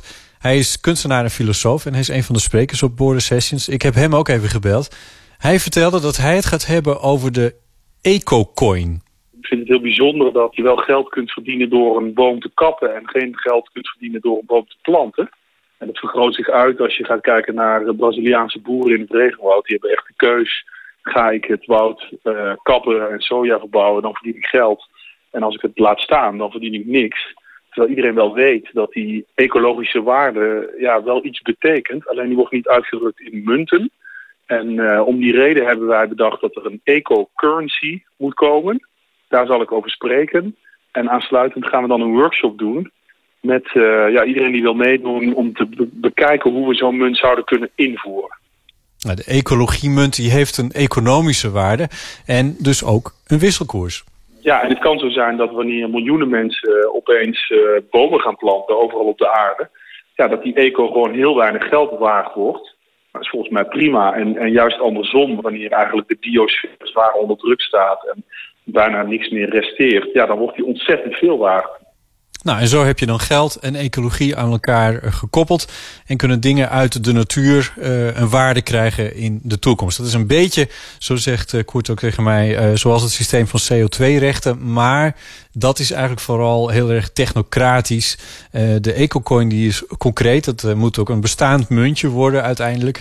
Ehm, en daar heeft hij ook al eh, iets van. Want enkele weken geleden heeft Koert de eerste ecocoin uitgereikt. En op dit festival zal hij er dus over vertellen en er ook een workshop bij organiseren. Want hij is ook heel benieuwd wat het publiek ervan vindt. Ja, dat uitreiken van die EcoCoin dat deed hij in Eindhoven tijdens de Designweek. Nee, je was erbij, hè? Ja, ik was, daar, ik was daarbij. Ik, eh, ik liep er ook rond. Nou zijn er heel veel van dit soort avonden natuurlijk. Over, over technologie, over eh, de toekomst, over eh, nou ja, nadenken over de technologie en de mens. Wat, wat is het verschil? Wat, wat voegt dit toe, Border Sessions? Ja, nou, als ik het zo een beetje kijk, dat klopt. Maar de- onderhand is dit wel zo'n. Het, het gaat heel snel nu, maar het is eh, onderhand wel een beetje de grootste aan het worden. De lijst met sprekers is, is echt enorm. Dus ze hebben namelijk een eh, kleine honderd. En er zijn zo'n 2000 bezoekers verdeeld over twee dagen dan. Maar dat is echt aanzienlijk. En zo'n concentratie, dat heeft heel veel voordelen. En Koert weet dat, want hij sprak al eens eerder op de Border Sessions. Ik denk dat het bijzondere van Border Sessions de inhoudelijkheid is en ook de openheid naar, ja, naar deelnemers. Dat daar mensen bij elkaar komen die ja, vanuit de wereld zoals die nu is een nieuw perspectief willen bieden. Zo zie ik het. Ja, het festival duurt eh, twee dagen. Morgen is de laatste dag dus alweer. Ik vroeg tenslotte eh, de directeur en programmeur eh, Michel Beren... wat zijn tip voor morgen is. Er is in de ochtend een twee uur durende discussie over private ruimtevaart. Er zijn heel veel nieuwe kleine bedrijfjes die nu bezig zijn. Ook grotere bedrijven natuurlijk, zoals Richard Branson of noem ze op, die, eh, die met ruimtevaart bezig zijn. En ja, dat is nu een beetje een clash aan het worden. Van ja, hoe gaan die, die ouderwetse bedrijven, eh, om zo maar even zo te noemen, hoe gaan die daarmee om? En eh, daar gaat het dan heel morgenochtend eigenlijk over. Ja, en een van de sprekers daarbij is het hoofd van de ESA. Dat is de European Space Agency. Nou, dat lijkt me een goed voorbeeld van een bijzonder onderwerp over de toekomst. Ja, ik zag de, de, de, de sprekers van de voorgaande jaren staan op, eh, op hun site. Dat is toch een Ja. indrukwekkende lijst. Ik bedoel, het zijn niet, het zijn niet zomaar de, de huistuin- en keuken stamcafé filosofen van het, eh, van het buurtcafé om de hoek. Dit zijn vaak Nee, wel echt grote namen die ze binnenhalen. Ja, ik denk ook dat dat echt een voordeel is van eh, dat ze uit Crossing Border komen. Want het is een festival dat zich natuurlijk heel stevig bezighoudt met, eh, met literatuur en met heel concreet met boeken, uitgeverijen en dat soort dingen. En ik denk eigenlijk dat ik heb dat niet heel, heel direct gevraagd. Dat had ik eigenlijk even moeten doen. Van kom je nou via die uitgeverijen aan al die eh, belangrijke sprekers? En dat zou me niet verbazen, want het boek, dus de boeken die geschreven worden over al die nieuwe ontwikkelingen, die zijn zeker ook te verkrijgen op dat Border Sessions Festival. Botte Jellema, dankjewel en een hele goede nacht. Goeienacht. 16 november speelt de Britse electropopgroep Hot Chip in Amsterdam in Paradiso. Het laatste album heet Why Make Sense en daarvan draaien we So Much Further to Go.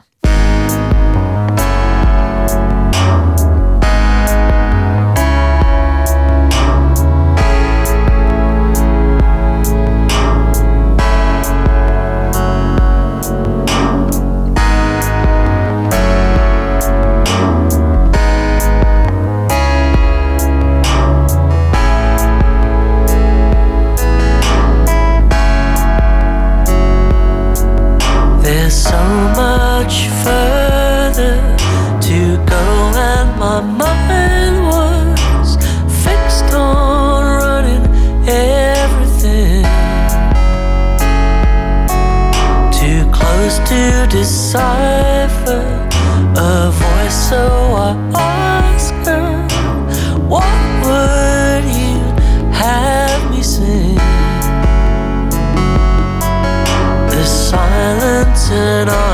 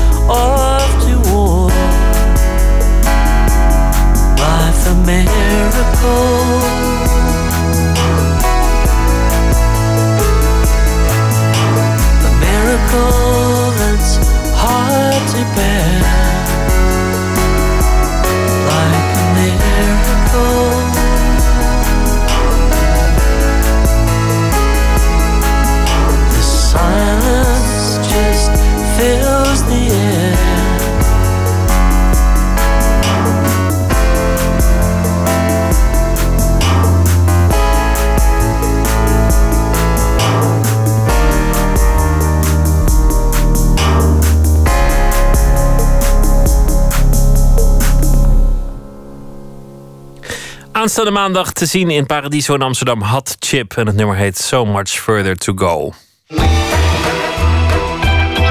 Nooit meer slapen. Zondag gaat bij toneelgroep Amsterdam het stuk Glazen Speelgoed in première van Tennessee Williams in regie van Sam Gold. De rol van de moeder, Amanda, feitelijk de hoofdrol, wordt gespeeld door Chris Nietveld. Die houdt van Tennessee Williams, dus dat zit goed. Maar toch komt de voorstelling op een vreemd moment voor haar. Want Dora van der Groen, de grand dame van het Vlaamse toneel, die eh, de leermeester was van Chris Nietveld, is afgelopen zondag overleden. Dus de gedachten zijn niet alleen bij Tennessee Williams, maar ook een beetje bij Dora van der Groen. Matthijs Deen ging op bezoek bij Chris Nietveld. Zing naar de kerk van ons lieve huis. Mijn toneelmoeder.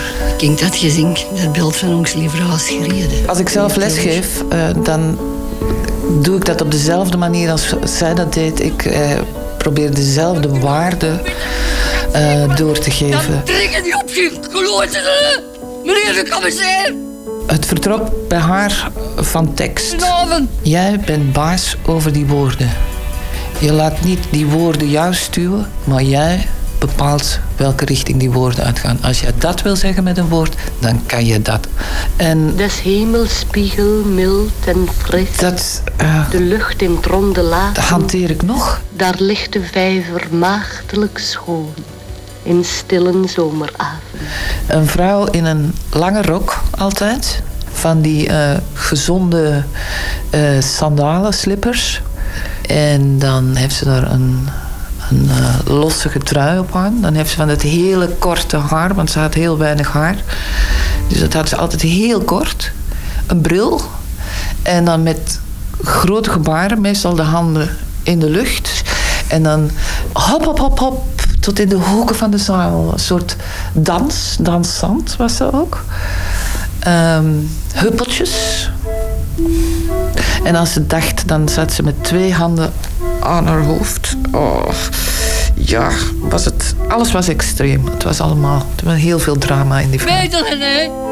Omdat we een kleine honger hebben en omdat ik zelf honger heb? Dan speel je dus eh, Tennessee Williams, het glazen speelgoed. Er is ontzettend veel tekst. Ik bedoel, je had het zo net over, je Ja. moet de tekst overmeesteren. Nou, dat, dat is in dit geval een hele klus. Maar op het moment dat je dat voorbereidt, op wat voor manier is zij dan bij jou? Ehm, bij glazen speelgoed heeft het, is het een beetje dubbel, want ik heb namelijk nog een keer eerder glazen speelgoed gedaan op het conservatorium. Ik speelde de moeder.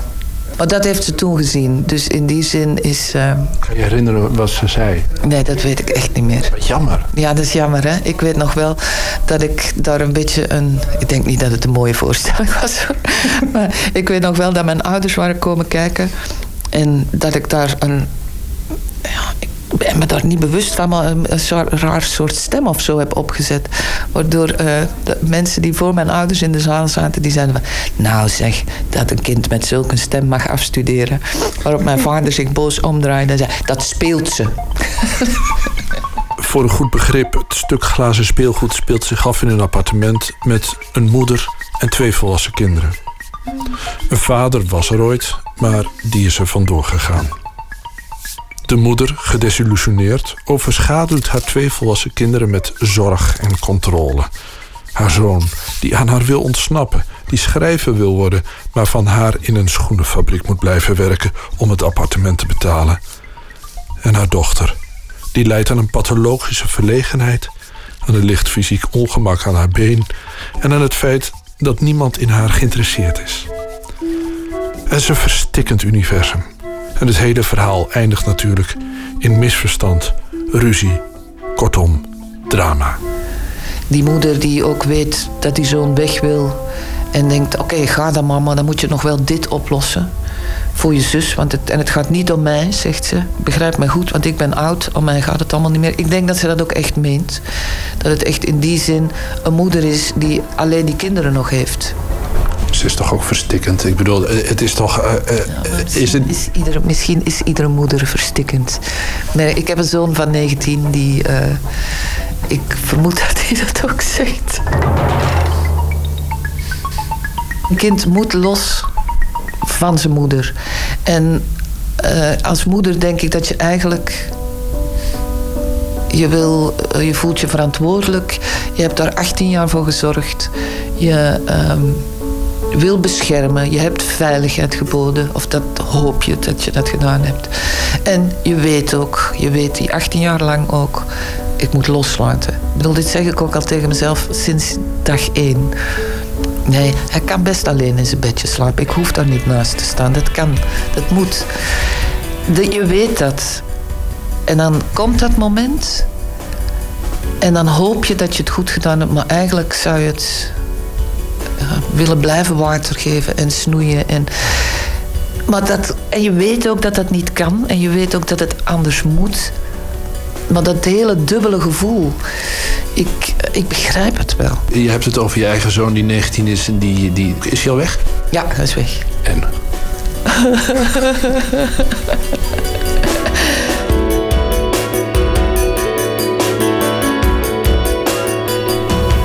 Eh, dat was hard. Dat is pijnlijk. Het is ook gezond. Het leert me ook weer veel over mezelf. Het is afscheid nemen. Wat leert het over jezelf? Ik hoop dat het op het moment, daar ben ik mee bezig, dat ik het goed heb gedaan. Maar het leert ook van eh, hoe gehecht je bent aan dingen. Hoe je van iemand houdt. Hoe iemand je ook verdriet kan doen. En dat dat niet de bedoeling is. Maar dat dat de weg is. Het was niet de opzet van hem om dat teweeg te brengen. Nee, ja. Ik bedoel, het, was, eh, het, het ging nogal hard. Het was eh, en vooral naar mij toe. Waardoor ik nu ook als ik gla- glazen speelgoed aan doe, dan denk ik, maar ik was toch niet zo'n verstikkende moeder. Terwijl ik toch wel een aantal zinnen kan onderstrepen met rood, die ik ook gezegd heb aan tafel. Niet zo snel. Eet toch rustig, jongen. ik denk, ja. En dat ik nu denk, maar wat heeft zo'n kind eraan? Want die wil, die wil gewoon eh, naar zijn vrienden. Dus die schrokt dat eten naar binnen waar jij zo je best op hebt staan doen. Nou ja, wat die moeder op toneel niet heeft, vind ik. Ik heb de indruk dat Amanda de kinderen gebruikt om haar eigen problemen te repareren. Maar als dat alles is wat zo'n vrouw heeft.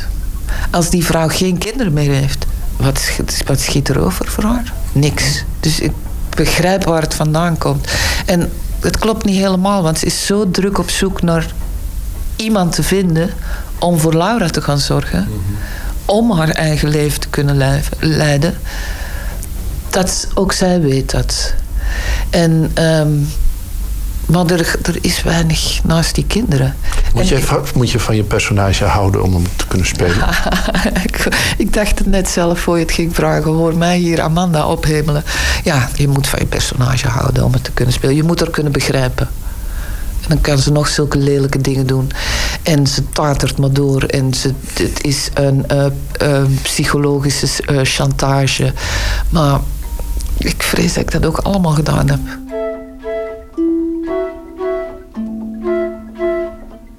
Je spreekt nu heel erg vanuit je eigen ervaring. Als je nou teruggaat naar toen je 21 was en daar voor het eerst speelde. En je kijkt naar hoe je het nu doet. Ik was zelf aan het loskomen van mijn moeder. Dus jij speelde toen je moeder en je speelt nu jezelf. Ja, en het karikatuur van mijn moeder waarschijnlijk. Misschien vandaar ook die stem. of dat de moeder... Ja, weet je, ik verzonde... Ik, dat ik... Zoiets was. Maar blijkbaar is het... Omdat je ziet die lappen voor je... De gedachtegang binnen zo'n lap is... eh, om nou te zeggen... Een klein stukje... ehm, eh, ehm, je gaat niet met vingers eten. Als je iets op je vork wil schuiven, dan neem dan een korstje brood en je moet kauwen. Je moet goed kauwen. En dieren die moeten niet kauwen, want dieren die hebben allemaal speciale sappen in hun maag. En die sappen die verteren alles. Dus dieren moeten niet kauwen, maar mensen moeten wel kauwen. En je moet rustig eten, geniet ervan. Want een lekkere maaltijd dat zit vol met verschillende smaken. En je mond heeft tijd nodig om al die smaken te waarderen. Zo gaat het dus door. Maar dus is het ook, zo rustig zo? ja, dit gaat nog wel zo rustig, ja, ik denk het wel. Maar ik bedoel, er zitten bijna geen gedachtegangen tussen. Terwijl, die zitten er wel, want je wil je kind iets leren. Terwijl, ik heb het echt zelf gedaan tegen een jongen van 16. Gezegd van, als je goed koudt, dan proef je de dingen ook. ik heb het echt gedaan.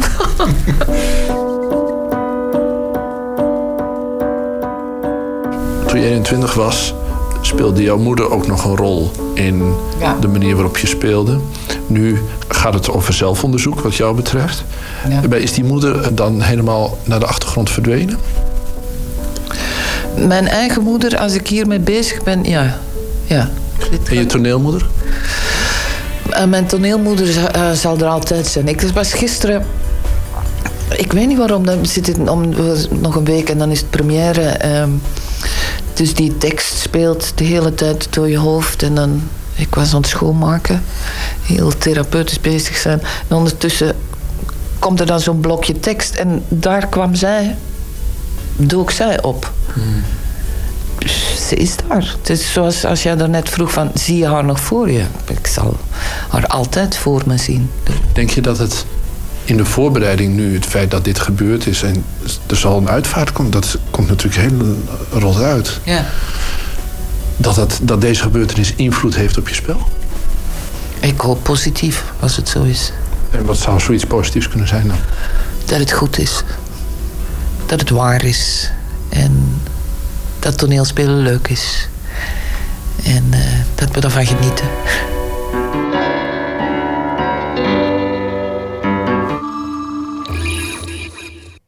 Matthijs Deen in gesprek met actrice Chris Nietveld. Het stuk Glazen speelgoed in de regie van Sam Gold zal aanstaande zondag in première gaan. We gaan luisteren naar een eh, Amerikaanse zangeres Beth Hart. Volgende week komt ze voor een concert naar Nederland, 21 november in Groningen. Ze heeft een album uit dat heet Better Than Home en dit nummer heet Tell Her You Belong to Me. Tell her you're mine. You have been blind. Tell her it's over. You belong to me. Tell me to come. And like hell, I will run back into your arms. Cause you belong to me. There's a river on my skin. There's a dragon in the dark. Nothing scares me more than the silence of your heart. If you wanna hold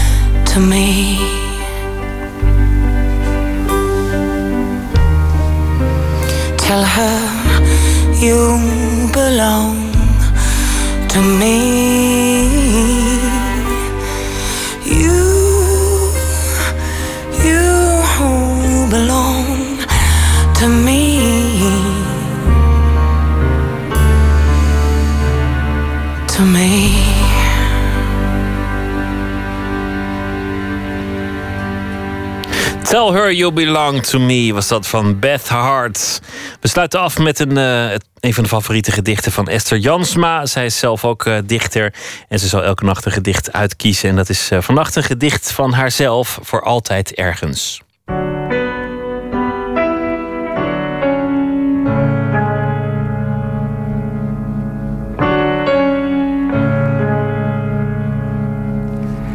Voor altijd ergens is het titelgedicht van mijn bloemlezing die dit jaar bij Prometheus verscheen. En dat gedicht beweert eigenlijk iets wat, het niet, wat niet kan. Het zegt dat er niets voorbij gaat. We weten allemaal dat de dingen wel voorbij gaan, maar in dit gedicht blijft alles bewaard. Voor altijd ergens. Het is niet zo dat alles verdwijnt. De laatste plek waar jij bent, de gekende, handkleine, bloedwarme helling in het holst van de tijd, is mijn hand. En mijn hand heft zich op. Maar in de schil van de wereld die stil is, in de huid van het huis, in het hart van de lakens, haal jij adem en slaapt. Verdwijnt niets. Alles is voor altijd gebeurd en blijft bewaard. Neem een willekeurige ochtend. We ontwaakten. Er was voedsel. En straks. Het licht van zomaar, de zoveelste zomer, verwarmde ons. En vertrok het heelal in. En ging verder. Wij beiden schijnen voor altijd met brood in de handen. Ergens uit het blauwe gezicht van de aarde. Een gedicht van Esther Jansma, gelezen door haarzelf voor altijd ergens. Dit was Nooit meer slapen voor deze nacht. Zometeen de Vara met topradio. En morgen in Nooit meer slapen komt de Vlaamse acteur Matthias Schoenaerts op bezoek. Hij heeft een eh, prachtige carrière in Hollywood, in België en in Frankrijk, waar hij uh, afgelopen jaar de titel kreeg van de Franse Orde van de Kunsten en Letteren. Hij werd gekroond tot ridder in die orde. Wens u een hele goede nacht en morgen een leuke dag. En ik hoop dat u dan weer luistert. Goeienacht.